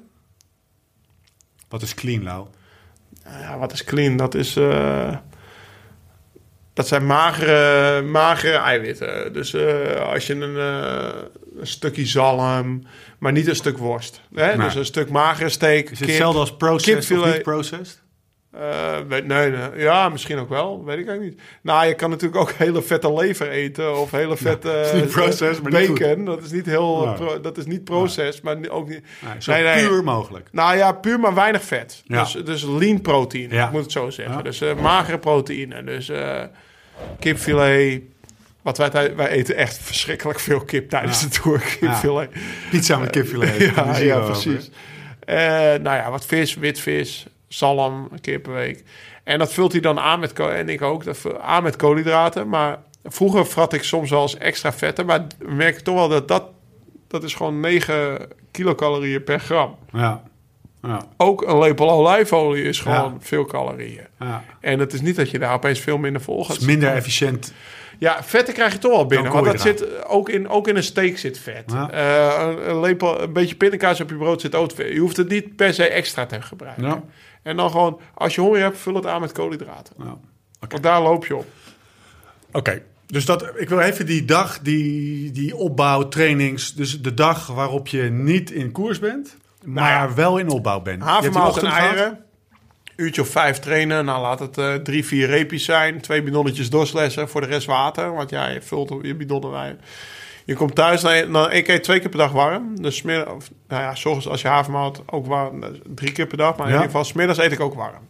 Dus ik zorg, of ik heb leftovers van de dag ervoor. Of ik kook snel een pastaatje met een stukje, eh, met een stukje kip en genoeg groenten. Ja. Maar wel een snelle maaltijd. Ik vind ook nasi even snel lekker, weet je wel. Maar vaak kook ik 's ochtends bij het ontbijt al wat rijst af. Hoef je 's middags alleen nog kip, kip af te bakken. Je gooit de groenten bij, je smijt die rijst erbij die je ochtends hebt afgekookt. Dat reduceert, afgezien van dat je nasi, kleine redactionele noot, dat je nasi altijd met oude rijst moet eh, koken. Dat, is- Ja, dat is zo. de tijd. Het reduceert, maar het reduceert ook het aantal calorieën, las ik eh, Oh, dat in een ik artikel. Het reduceert het aantal calorieën in rijst. Als je het van tevoren kookt. Maar, Maar, dat eh, er zijn. ik ben niet zozeer, ik wil niet zozeer zo weinig mogelijk Calorie- calorieën eh, eten natuurlijk. Want ik moet ook gewoon brandstof hebben om Ja. de trainingen te doen. Maar na de training moet je eigenlijk zorgen, groot tip, je moet zorgen dat je herstelmaaltijd vrij klaar is. Heb ik gelezen in het boek, boek van of Aubry of Boardman. Een van die twee, die boeken, daar staat... Twee Britse tijdreis. Zorg in ieder geval dat je herstelmaaltijd klaar is. Want anders ga je direct, dan kom je thuis en dan snij je het eerste de beste wat je kan vinden uit de kast. En dat is meestal niet zo gezond als je herstelmaaltijd. Dus voordat ik ga trainen, weet ik al wat ik ga eten als ik terugkom van trainen. En, dat en, en daar hou ik, als, als ik nog geen rijst heb afgekookt, doe ik dat al bij het ontbijt. Ik weet dat er genoeg groente bij zit. Ik weet dat er magere proteïne bij zit. En eh, aan de hand van, nou ja, als ik vijf uur train, dan reken ik 120 gram rijst of 150 gram pasta, weet je Ja. wel. Het moet wel, het mag best wel een portie zijn. Je hebt een soort ezelsbruggetje waardoor je uit zoveel trainen, zoveel Ja. koolhydraten. Ja, precies. Eh, nou ja, dat maak ik zo snel mogelijk nadat ik terugkom. Ja. Dan eet ik- drink ik nog een bak koffie daarna en dan ga ik even tukken of zo. Of ik doe wat andere dingen op de laptop, wat nog geregeld moet worden. Dan heb ik tussen, hangt er vanaf, als je echt lang gaat trainen, heb ik eigenlijk tussen mijn middagmaaltijd, want dat is pas vaak om drie, vier uur dan, en mijn avondmaaltijd niks meer. En anders heb ik nog een snackje en dat is een boterham met veel kipfilet. Of, ja, kipfilet. Of een, of een bakje kwark. S'avonds avondeten eigenlijk bijna hetzelfde als gisteren. Alleen dan neem ik iets meer tijd om dat te koken. De kinderen die eten dan mee, weet je wel. Ja. En papa die krijgt dan vaak een steekje en de kinderen een worstje. Of papa krijgt vis en de kinderen ook wel iets minder vis. Maar in ieder geval, eh, als ik steak maak, wil of zij vraag worst, maar dat mag ik niet. En dan s'avonds vaak nog iets van eh kwark. Sausijs of een chori- chorizo. Nou, zal ik, eh, ja, nu wel, dus in deze Ja. periode. Maar In opbouw niet. iemand die lag zich allemaal heel de pleurs. Ik eet één keer per jaar een pizza. Ja. En Ik zeg, dit is mijn je- annual, annual pizza. I'm going to eat. Nou, en dan ging ik met mijn boot naar de stad, gingen we pizza halen. Want ja, ik eet, ik eet wel eens pizza, maar dat is dan een kwart en dan vul, of, of, of een Met halve. groente en kip en En- spelt. ja, nou ja, met de ja, die met, maar dan vul, inderdaad, dan vul ik het aan met proteïne en groente. Maar één, gewoon één grote bak calorieën aan pizza eten doe ik niet snel. Eh, ja, en dan heb ik, weet je wel, een ijs in. Eh, Als we, als we naar de stad... Ik eet nooit ijs uit de vriezer. Maar als we als toetje bijvoorbeeld een keer een ijsje willen... dan gaan we naar de stad en dan lik ik één bolletje ijs weg of zo. Maar dat doe ik ook alleen op dagen dat ik vijf uur getraind heb. Net zoals... Ja, de 3000 calorieën regel is inmiddels vrij bekend met een biertje, zeg maar. Dus dat is hetzelfde. Ik moet Ja. minimaal 3000 calorieën hebben getraind... voordat ik een biertje drink voor het Ja. eten. Een glaasje wijn tijdens het eten mag altijd. Er, er zit, als ik dat zo hoor, hè, er zit altijd, en dat is gewoon Er zit altijd een gedachte aan. Ja, er zit een gedachte aan, maar er zit ook altijd een limiet. Ja. Hè, dus het is nooit, nu misschien de, broekriem eh, open omdat het gewoon off-season is. Of omdat je Ja. gewoon geblesseerd bent en je gewoon twee grote rondes hebt gedaan. Dat is allemaal daar. Maar als profwielrenner zit er al, als je daar serieus op die manier eh, die je nu beschrijft. Nou, eigenlijk denk je altijd bij alles... Ik heb iemand altijd een afgelopen week... restrictie op. Ik heb iemand afgelopen week wederom duidelijk proberen te maken. Want hij was een beetje aan het slekken, zeg maar. Ik zeg, bij alles wat je in je mond stopt, bij alles wat je doet, bij alles wat je traint, Bewust. ja, moet je denken, maakt het me sneller of langzamer? Ja, bij alles wat je doet. Weet je, dat is niet alleen voeding, dat is training, dat is eh, rust, dat is... eh, ga ik nu even naar de stad eh, foto's nemen? Ga ik daar morgen, morgen harder van fietsen of niet? Ik bedoel, die jongen wil prof worden. Dan moet je er fucking alles voor doen, toch? En dat is ook bij ons zo, weet je wel. En als ik dan eerlijk naar mezelf reflecteer, heb ik vanaf 2016 de keus gemaakt om toch af en toe iets meer voor mijn gezin te kiezen. Ja. Want ik woon in Alkmaar. Ja. Maakt het me sneller of langzamer bergop? Ja, Ja, langzamer. Maar ja, wel bewust gedaan. dat is, bewust, dat, is wel een bewuste keuze. Ja, daar is bewust voor gekozen om, om zeg maar die 100% te laten zakken naar 98%. Ja. Omdat ik gewoon ook met mijn gezin eh, dat koos. En mijn vrouw. En... Maar eh, dat is wel een bewuste keuze geweest. En Iman die deed die bewuste keuzes nog niet tot afgelopen. En ik hoop dat hij iedere keer dat ik met hem praat, dat hij daar... eh, Hij heeft een goede leermeester in ieder geval. ja, ja, zeker. Ja, ja. Een harde, een harde leermeester soms ook. Ja. Hij, ehm, fiets jij wel eens in het peloton dat je denkt van... Ai, jongen, dit, jij hebt echt een, een kooidraadje te weinig eh, gepakt. Te weinig. Je bedoelt Ja. te mager. Te mager. Nou, ik ben het zelf al geweest. Want, want, want, want Het ja, is altijd een... Ja, tuurlijk. Het is altijd... de wielrennerij zoekt zijn grenzen op. en Topsportje er dus gaat tot die lijn. overheen. En, eh, ja, ik ben ook zeker in mijn carrière twee, drie keer over die lijn gegaan. Ja. Dat ik gewoon te mager was, te weinig at en daardoor niet presteerde. Maar ja, weet je, eh, doordat ik da- die grens heb opgezocht, eh, eh, opgezocht weet, heb Ja. ik daarna ook geleerd hoe het wel moest. Ja. En ben ik wel bij de eerste tien gereden. En natuurlijk hoop je die, maar je wordt er ook niet vrolijker van. Ik bedoel, ja, ik weet niet, ik, ik ken gelukkig geen mensen in mijn directe omgeving met anorexia of meisjes. Maar ik was zelf, ik was zelf niet de gezelligste thuis. Als je, want je hebt altijd honger of je denkt altijd... Ik bedoel, en, en die balans heb ik nu zeker wel gevonden. Ik bedoel, zonder, zonder honger ben ik toch gewoon goed mager en dit en dat. Maar ja, die, die grens zoek je wel op. En in het peloton zijn er wel eh, mannen dat je af en toe denkt van... Zo, die is mager, maar... Ja, Oké. Nou ben ik een, eh, we maken de cirkel even rond. Eh, Dan ben ik die tourfietser die nu door jou geïnspireerd denkt... Nou, weet je wat, volgend jaar juni ga ik door mijn mot fietsen. En dan ga ik vanaf november ga ik, eh, ga ik afvallen. En die tour, en daar zijn er veel van, hè, Laurens. En dat, die, die mensen luisteren... maar dan zeg ik dus nu al, begin gewoon morgen. Ja. Wat Waarom, is- dat is waarom mijn ga je wachten tot november? Ja. Ik heb altijd zo'n pesthekel aan van die renners. Die zijn, vooral bij de amateurs heb je dat veel. Die zijn in augustus al bezig en dan laten ze het hele jaar varen. Ja. En dan per 1 november zijn ze toch keihard aan het trainen. Dat je denkt van ja, maar gast, weet je wel. Ik, ja, ik ga, dan ga ik mijn core doen en mijn eh, fitness en goed op mijn voeding lekker. Begin morgen lekker eraan. Bedoel, er is nog nog september, december. En waar moeten ze dan mee beginnen? Gewoon even een paar, paar, paar Nou, waar moet je generieke beginnen? tips. Eh, ik zou als eerste... eh, de grote slagen. ik zou als eerste eh, even googlen naar Ted King. IamTedKing.com. Die heeft een, eh, een artikel geschreven over voeding. Maar hij doet ook coaching nu, weet je wel. Die Amerikanen gaan... eh, en eh, over zijn voedingspatroon. En eh, daar valt wel veel voor te zeggen. Wat hij zegt, begin 's ochtends met havermout. Ja. Eet 's middags een hele grote salade. Met proteïne en een stukje brood aan de hand van wat je gekoerst hebt. Of eh, wat je getraind hebt. En s'avonds gewoon normaal. Maar als je gewoon daarmee begint, weet je wel. En, en die salade, nou ja, dat, eh, bedoel, salade kan je niet veel mis mee doen. Hè? Sla, groentes, gooi er een klein beetje kaas in. Een beetje kipfilet, weet ik goed. veel. Het went snel. Ja, precies. Niet te veel olie, een beetje eh, azijn en best wel en dan een broodje aan de dat is snel klaargemaakt. Dat heb je zo klaar. Doe ik ook wel eens op een rustdag of weet ik veel, weet je. eh, dan, dan eet ik dus niet twee keer warm. En s'avonds gewoon normaal. En tuurlijk, nou ja, dan heb je die biertjes. Ja, probeer ze iets, iets te beperken. Vind ik Iets. eh, iets te beperken. Oké, Ja, kan ik met akkoord. mate. Alles kan maar met mate. Ik eet iedere dag chocola. Maar ja, Ja. ik vreet nooit een hele reep chocola. Ik heb net in jouw ijskast gekeken. Dat was geen, eh, dat was geen delicata melkchocolaatje, eh, meneer Ten Dam. Dat was een hele dikke, vet, pure Ja, gewoon, chocola. ja, wel puur chocola, maar gewoon één stukje van 10 gram. Nou ja, met één reep doe ik 10 dagen. Maar ja, je hebt ook gasten die een reep per dag vreten. Ja, dan ga je... eh, dan krijg je zo'n kont als jij. hey, Lau, ik ben twee keer afgevallen. Ja, nou toch? denken de Nou, dat is luisteraars... niet één nou, kont denken de, nou denken dat de luisteraars dat ik... Oh, fuck it. Oké. Oké, ik ga hier niet eh tegenin. Zullen we eens naar de zelfrectificaties gaan? Hebben we nog, heb jij nog nabranders? in Is dit, de, eh, is de voeding afgesloten? Ja, ik volgens, mij, eh, volgens mij wel. Ja, Volgens mij top. wel. Nabranders. Ik heb volgens mij weinig rectificaties. Ik heb wel een rectificatie. Ik heb namelijk... eh dit is een zelfrectificatie. Tellen die ook? Van- Er is een verschil tussen de souvenir toch niet Henri de Grange. Ja, maar de, de zelfrectificatie doen we wel. Oké. Je moet me toch even van het hart.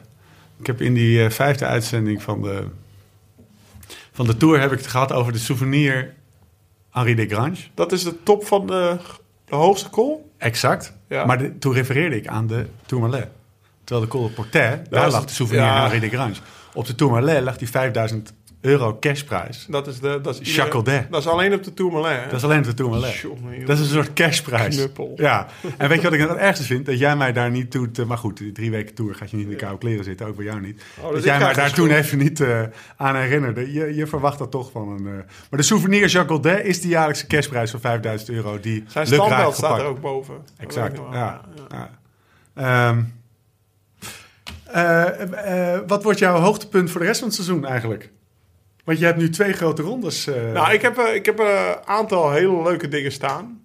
De ronde van Turkije laten we even buiten beschouwing. Ja, heb je wel eens gedacht, ik ga niet naar de ronde van Turkije? Nee, wat maar- daar allemaal ik ben heel blij dat ik naar de ronde van Turkije ga trouwens. Want ik stond erop voor China. Maar dat is Ja. Tomse bruiloft. Dus Oh, ik ja. ben gelukkig een week naar voren gehaald. Dus ik mag Turkije. Hoe werkt dat dan? Van nee, ik heb een invite van Tomse Bruiloft, dus... Ja, nou ja, inderdaad. Zo werkt dat. Ik heb vanaf december al aangegeven. En uiteindelijk is dat gehonoreerd. Dus, eh, dus top. dan, dan treedt het huwelijksprotocol in. Ja, in werking. ja, Vind ik inderdaad. een mooi protocol. We hebben pakken laten uitzoeken. Jon en ik hebben afgesproken dat wij als echtgenoten de wedding komen crashen. Een keertje. En dat we heel wel bespraakt zijn en dat we ook gewoon best wel een speech willen doen of zo. Of een, eh, ja, misschien wel een ABC'tje. podcast. Oh, zeker. Dus Tom, we weten dat je luistert. Wij komen. Wij komen, nou top. Nee, eh, ja, de gravel rate. 28, ik eh, ben eh Hoe gaat het daarmee? 8, 29, ja, gaat, eh nou, gaat daarmee. Ik kreeg net nog een berichtje dat eh, een nieuwe sponsor voor de komende twee jaar bezig is. Dus 18, 19 gaan we gewoon door. Of 19, 20. Eh 300 inschrijvingen. 30, eh 30 supporters. Jonne is nummer 31. De supporters betekent je hoeft niet de tocht te fietsen, maar je mag wel meedrinken, mee barbecuen. Eh, ja, eigenlijk alles het beste. Eh, wat hebben we nog meer? Eh, we hebben popmuziek, eh, kamperen, alles. We roepen Dus, bij deze JW Roy nog op om live ja, daar zijn gitaar te hand te nemen. Eh naar Rob Harmeling komt spelen. We doen waarschijnlijk een Ah, podcast daar. Eh, ja, dat wordt gewoon lachen. Ik ben van de week naar op kapitein zondag, geweest. op zondag kijken we het WK. Gewoon Ja. met z'n allen op een groot scherm. Eh, mijn sleutelbeen is heel. Dan gaan we vanuit. Dus dan kan ik gewoon een gravel race fietsen. Dat is dus het weekend tussen 28 en 30 september. En dan eh, een maand later ga ik waarschijnlijk naar de Taiwan Com Challenge. Ga ik bergop fietsen Ja. van 0 tot 3270 meter. En daar- daar- die wil ik heel even op pauze drukken. Ik wil heel even terug naar de gravel raid, want ik heb even een technisch vraagje, een persoonlijk technisch vraag. Dan gaan we het zo meteen hebben over die com challenge, want die is Nou, heel pauze, vet. Pauze. Eh, welke, ik ben naar kapitein geweest en ik heb gezegd, ik ga die gravel raid fietsen. Ik moet even een paar goede wielen hebben en banden. Wat ik nu heb laten Tubeless. monteren. Ik heb, ik heb tubeless laten monteren. Ik hoop verdomme. Inderdaad, ik herkende wat je zei. Ik weet niet wat er gebeurt op het moment dat ik plat rijd, dat ik lekker rijd. Maar even, even ter zake. Ik heb daar van die eh sawtooth, dus niet, niet, geen, geen hele dikke vette noppen, maar een beetje een soort semi-slik. perfect. 40 mm, is dat goed? Ja, nee, super. Maar Ik heb die fiets van jou eens gezien. Weet je wat? eh, ja, dat is ongeveer hetzelfde, toch? Ja, nou, ik denk dat jij iets van 36 mm hebt, maar wel profiel. Nee, nee, weet je waar wij op inzetten met die gravel raid? In principe, je hoeft geen nieuwe fiets te kopen. Ja, Dus de, wat je thuis hebt staan, ik ga ervan uit dat je een fiets thuis hebt staan. Wat je thuis hebt staan, kan niet op. Ja. Heb jij een strandfiets, kan niet op. Heb jij een 29er mountainbike, kan niet op. Heb je een full suspension, kan niet op, maar dan wordt het wel een beetje zeuren. ja.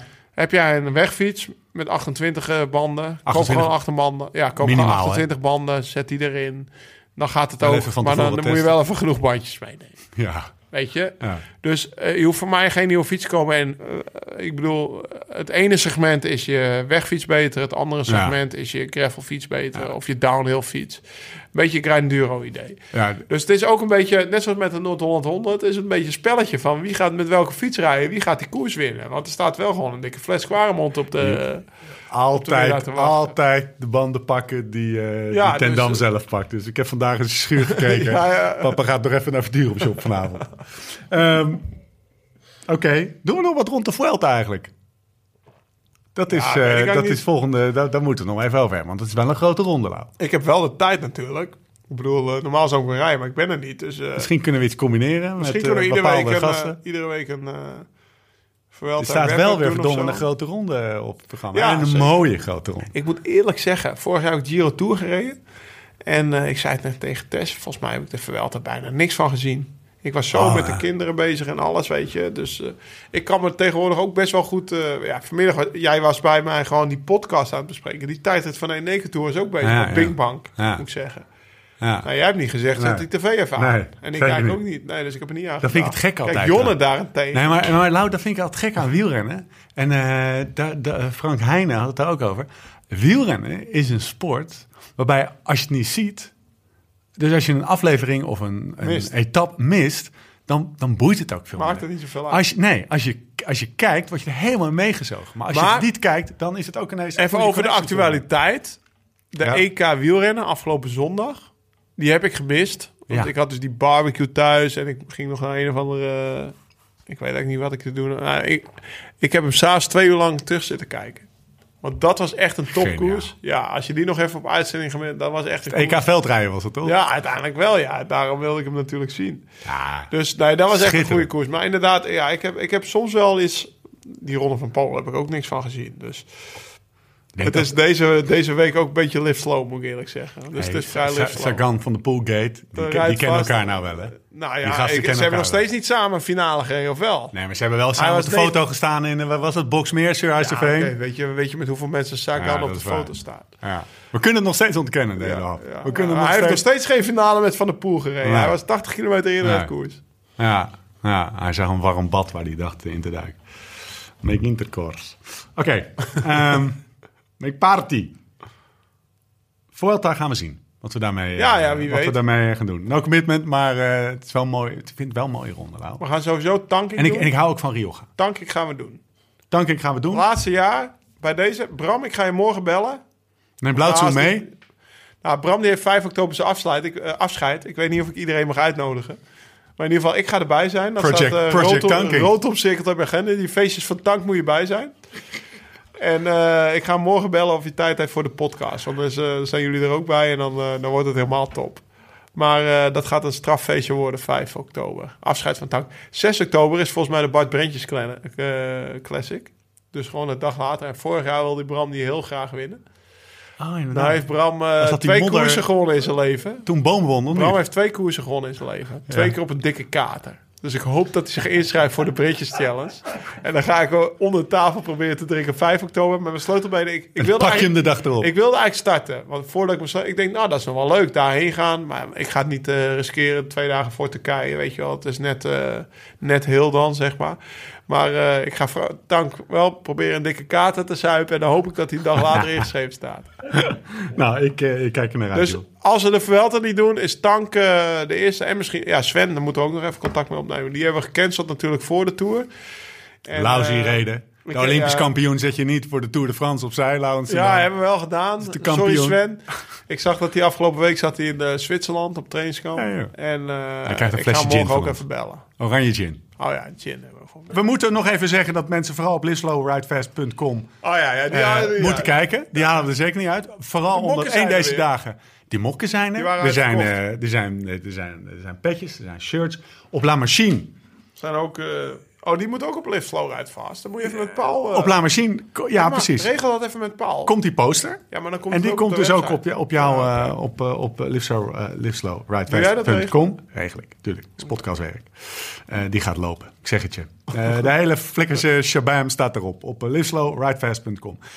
Ander huishoudelijk dingetje. Wil je reageren op deze uitzending? Dat kan via Twitter. Ed Lauwens Sendam is geloof ik jouw Twitter-adres, Ja. hè? Ja, nou, die van mij is Ed, Ed Steven Bolt. We pakken Jon ook gewoon mee. De, de anti, de anti-Twitter. De man die geen volgers wil. Tonkerson en de O is een nul. Laat me met rust. Ik wil nog iets zeggen. Lauwens wil nog wat zeggen. Deze zondag, komende zondag, Ja? soft opening van Fix Gear Koffie, moet ik goed zeggen? Fix Gear Koffie aan de bodem van de Kouwberg, dus zeg maar aan de voet van de Kouwberg, wordt een Fix Gear Koffie geopend van Brian Megens. Brian Megens ken ik redelijk, is een uh, Gear rijder, een van, de, een van de eerste in Nederland, gaat al die redhoeks af, dit, dat. Hij staat, hij staat op de foto Oh, hier. Lotte die komt met de foto. Ja, dat is hem. Hè? Model voor Agu. En eh, hij, heeft, zijn- hij heeft zijn studie eindelijk Kop eens hoor, af. eh, Brian. Ja, hij heeft zijn studie eindelijk af in Maastricht. En hij heeft nu zijn droom gestart. Een fix keer koffie in Maastricht. Of in, eh, in Valkenburg. En daar, en daar, Kees van de Westermachines. We gaan, daar kan je ook een podcast over wijden. dat is wat anders dan een Jura, hè? Maar dat, ja, dat, is, dat is zelfs nog wat anders dan de Rocket. Ja. Dat is gewoon een machine. Dat is eh, als, als Kan je een flinke middenklasse van komen. Verve Coffee in Santa Cruz heeft hem staan. Maar dat zijn hele belangrijke... Hele, Dat zijn machines van hele 30.000 euro. Hele bijzondere machines. Live slow ride, vast koffie erin. Proeven vanaf zondag soft opening. En, en mensen hoeven daar geen 13,50 euro voor een fietsen. bakje Nee, ja, top koffie. Ze gaan eh, fietsen en alles met je. Ze gaan natuurlijk koers kijken. Wat is er zondag? Bing bang waarschijnlijk. Dus eh, wees erbij. Ik kan zelf helaas niet. Ik ga naar Zweden. Mijn ploegleider gaat trouwen. Eike, Eike, ik zei al, weet je, zijn we er dan toch in getuimd? was het eerste wat ik zei toen hij me belde voor de tour. Want normaal, normaal zou ik dat weekend naar zijn bruiloft gaan, dit weekend. Maar was vijf dagen later de Vuelta. Ja. Nou, we hebben het net over voeding gehad. Daar hou ik me wel een beetje in. Ja, ja. Ik, het eerste wat ik zei toen hij me belde voor de tour. Lau, je moet de tour rijden. Je bent van de Vuelta afgehaald. Ik zeg, dat wordt toch een duurdere bruiloft. Ik wou net zeggen, die moet, een paar, die moet even een paar flessen... Want, want voor minder dan een Barolo Nee, jij je bed niet uit natuurlijk. Tess heeft gisteren nog een blouseje gekocht voor me. Ik sta er chic op. Ik hoef geen colbertje aan met mijn sleutel mee, zei hij al. En je hebt- je hebt- maar je weet, is, dat is het voordeel van... Want ik kwam bij jou thuis, ik zag, een, ik zag een doos met allemaal nieuwe spullen staan. Ik zag gisteren op je Instagram dat, eh, dat, eh, dat overhemmetje met die Ja, blouses. ja, ja. Ik zag je nieuwe schoenen, man. Je ziet er Ja, geswanjaard ja, uit. naar de kapper geweest. De kapper geweest? Die oude Ja, landloper, die komt ineens helemaal... Ik, eh, ik kan voor het eerst sinds twee jaar weer eens naar de tandarts, jongen. Overal tijd voor. Het is gewoon, eh, over twee maanden staat hij op de cover van de Esquire, joh, die uh, Laurens van Dam. GQ. Ik wist niet wat het was, maar dan, Het is een cover model. Misschien zelfs wel mens held. ja, wie weet. Ja, joh. En dan als kan ik nog met Lotte aankloppen. ja, precies. Met jou, met jou uh, Brian Megens heeft iets andere bovenbenen. Ik kan het verklappen, maar eh, ik zou gewoon een poging doen. hey, zullen we het even hebben over, ehm, eh, over de, de, de reacties Ja. die we van eh, mensen hebben gekeken? De- Een beetje zelfbevlekking van Stefan. Nee, maar, nee, maar dit, gaat, dit, gaat, dit is wel leuk, want dit is een, eh, een van de matrassenjongens waar we toen over Oh, hadden. Die studenten die die matrassen neerlegden, die reageerden. En die zeiden, een van die jongens zegt, ja, tijdens die Vuelta waar we toen over hebben, zijn we het stappen nog veel renners tegengekomen. Onder, onder andere El Pistolero, die daar tot twee keer toe acte El présence Pistolero, gehad. serieus? In de Vuelta. In, eh, ik weet niet eens of dat diegene, de Vuelta was die won, maar in ieder geval waarin hij, eh, volgens mij heeft hij nooit een Vuelta gereden waar hij niet compete. Dus die stond daar in de kroeg. Maar hij heeft eigenlijk een andere vraag. Hij zegt, wat is het gekste bijgeloof, eh, ritueel ding wat je ooit Ja, hebt gezien? inleiden. Ja, ja, ja maar, dan, dan is het, maar dan is het niet meer, dan is het niet meer spontaan. Nou, Ja, ja, we hebben het over dat zout gehad wel eens. Ja, dat mag je niet die doorgeven doorgeven. en Zo. zijn bepaalde nationaliteiten er erger in dan andere? Ik, heb wel een, een, ik heb wel een roomie gehad. Twee roomies gehad in mijn leven met een knuffel. Telt dat ook? Jezus, serieus? Wat voor knuffel? Een beertje. Steven Schumacher, die had een of andere knuffel bij zich. Ja, en Krek Andersen. Nee, Ja, Krek Andersen. De SKA. heeft een of andere ja, een dolfijn of zo in zijn bed. Echt waar? Ja, En daar kuddelt hij lekker mee. ja, serieus. Oké. Dus die komt uit zijn koffertje iedere dag. Nee. Die legt hij naar zijn kussen en dan ligt hij dan mee te knuffelen. Ik weet niet of het bijgeloof is, maar ik vond het wel apart. Eh, andere vraag. Laatste vraag. Pascal Henneberg. Henneberke. Hoe train je klimmen als je in Noord-Holland woont? Nou ja, ik, eh, de vrijdag voor de Tour of de vrijdag, eh, ja. Nee, de zaterdag voor de Tour. Win tegen Stompentoren. Win tegen, de zaterdag voor het EK dus. Ja. Win tegen West-Friese Dijk. ja. Nou, ik was het wel een keer zat bij Sint Maarten, weet je wel. Dus dan rij je de dijk op bij, eh, voor de liefhebbers bij Warmhuizen. En dan, eh hup, slingerdijk je naar bij Sint Maarten was ik wel zat. Ik zeg, Nicky, hup, we gaan rechtsaf, weet je wel. Ah, zegt hij, weer tegenrijden. Je wilt toch, je wilt toch, je wilt toch bergop trainen? Dit is ook bergop. Weet je wel, nou, dan moesten we nog door, zeg maar. Dus, eh ja, dat gewoon is wind het, tegen, Wind tegen. grote versnelling en eh ja, Malen. ja, 40 proberen te rijden of weet ik veel, gewoon zo hard mogelijk. Dus, zo trainen we dat hier. En ik heb de klimweg. Is illegaal. Er staat een slagman voor. Daar trainen vroeger eh Steven Rooks altijd. in de duin. Ja, in de duin heb je de klimweg. Dat is een asfaltweg. Een paar, dat is eigenlijk bijna echt een Vlaams klimmetje. Ja? Ja, een soort, ja, hoe moet ik het noemen, een soort Patersbergachtig. Alleen ik zei, er zitten een paar klote drempels in voor de afwatering. Of een paar, Ja? toch wel vijf, Moet even- zes waar je overheen moet springen. Maar eh, ja, als ik daar vijf keer omhoog rijd, er staat nu een dik hek voor. Dan krijg ik soms wel eens gezeur met de bewoners die bovenop wonen. Dat je daar niet mag fietsen. En, ja, dan zeg ik, ja, het is ook mijn werk, mevrouw. Weet je. Ik heb wel eens een keer, toen had ik even geen zin meer in de volgende klim, zeg maar. Toen ben ik vijf minuten gaan discussiëren. maar eh, Jij kan gewoon zeggen, het is ja, het kopje, ja, het kopje, daar rijd ik ook graag weg op. Alleen nu heb je de sluizen die eh, afgesloten zijn een jaar lang. Dus dan moet je weer, als je daarheen gaat, twee keer op de pont stilstaan. En dat, eh, dat is toch ook niet fijn. Dus daar heb ik de laatste tijd veel minder gereden. Maar dat zijn, dat zijn de mogelijkheden die we hier hebben. Jouw vraag, ga je morgen wel naar. Nee, dat is vrijdag. vrijdag. Vrijdag. En morgen Ja, morgen. Ik heb nog een dagje vrij. Ik zie, ik zie dat, dat, dat Instagram filmpje van iemand zie ik. En dan zie ik jou binnenkomen lopen. Ja, ik ben soms een beetje Beetje sloffend. Ja. Van die slippers. Zo, Ja. aan boord. Ja, ja, maar ja, met één handje schoenen aan veterstrik heb je dat wel eens geprobeerd. Daarom loop ik al twee weken op slippers. Lekker man. Niet er even van. Ja, nee, daarom. Ja, ik ga morgen... eh, Ik had nog wat e-mailtjes. Ik was, toen we hier, hier naartoe fietsen, dacht ik, ik ga weer productief worden. Maar na dat bureaulootje denk ik, ik kan overmorgen ook wel. We zijn er doorheen. Aflevering 16. Aflevering 16. Ja, dat was, ik was wel verbaasd toen je zei 15. Ik denk, nou, dat, volgens mij is de eerste dit is 16. 2018 gemaakt, of 16. Komt Dat er is best wel productief. Voor een maandelijkse podcast. Ja, dat erin. Hey, we zien elkaar de volgende keer met wie dan ook. Hoe dan ook, waar dan ook. En voor de tussentijd. Live slow, ride fast.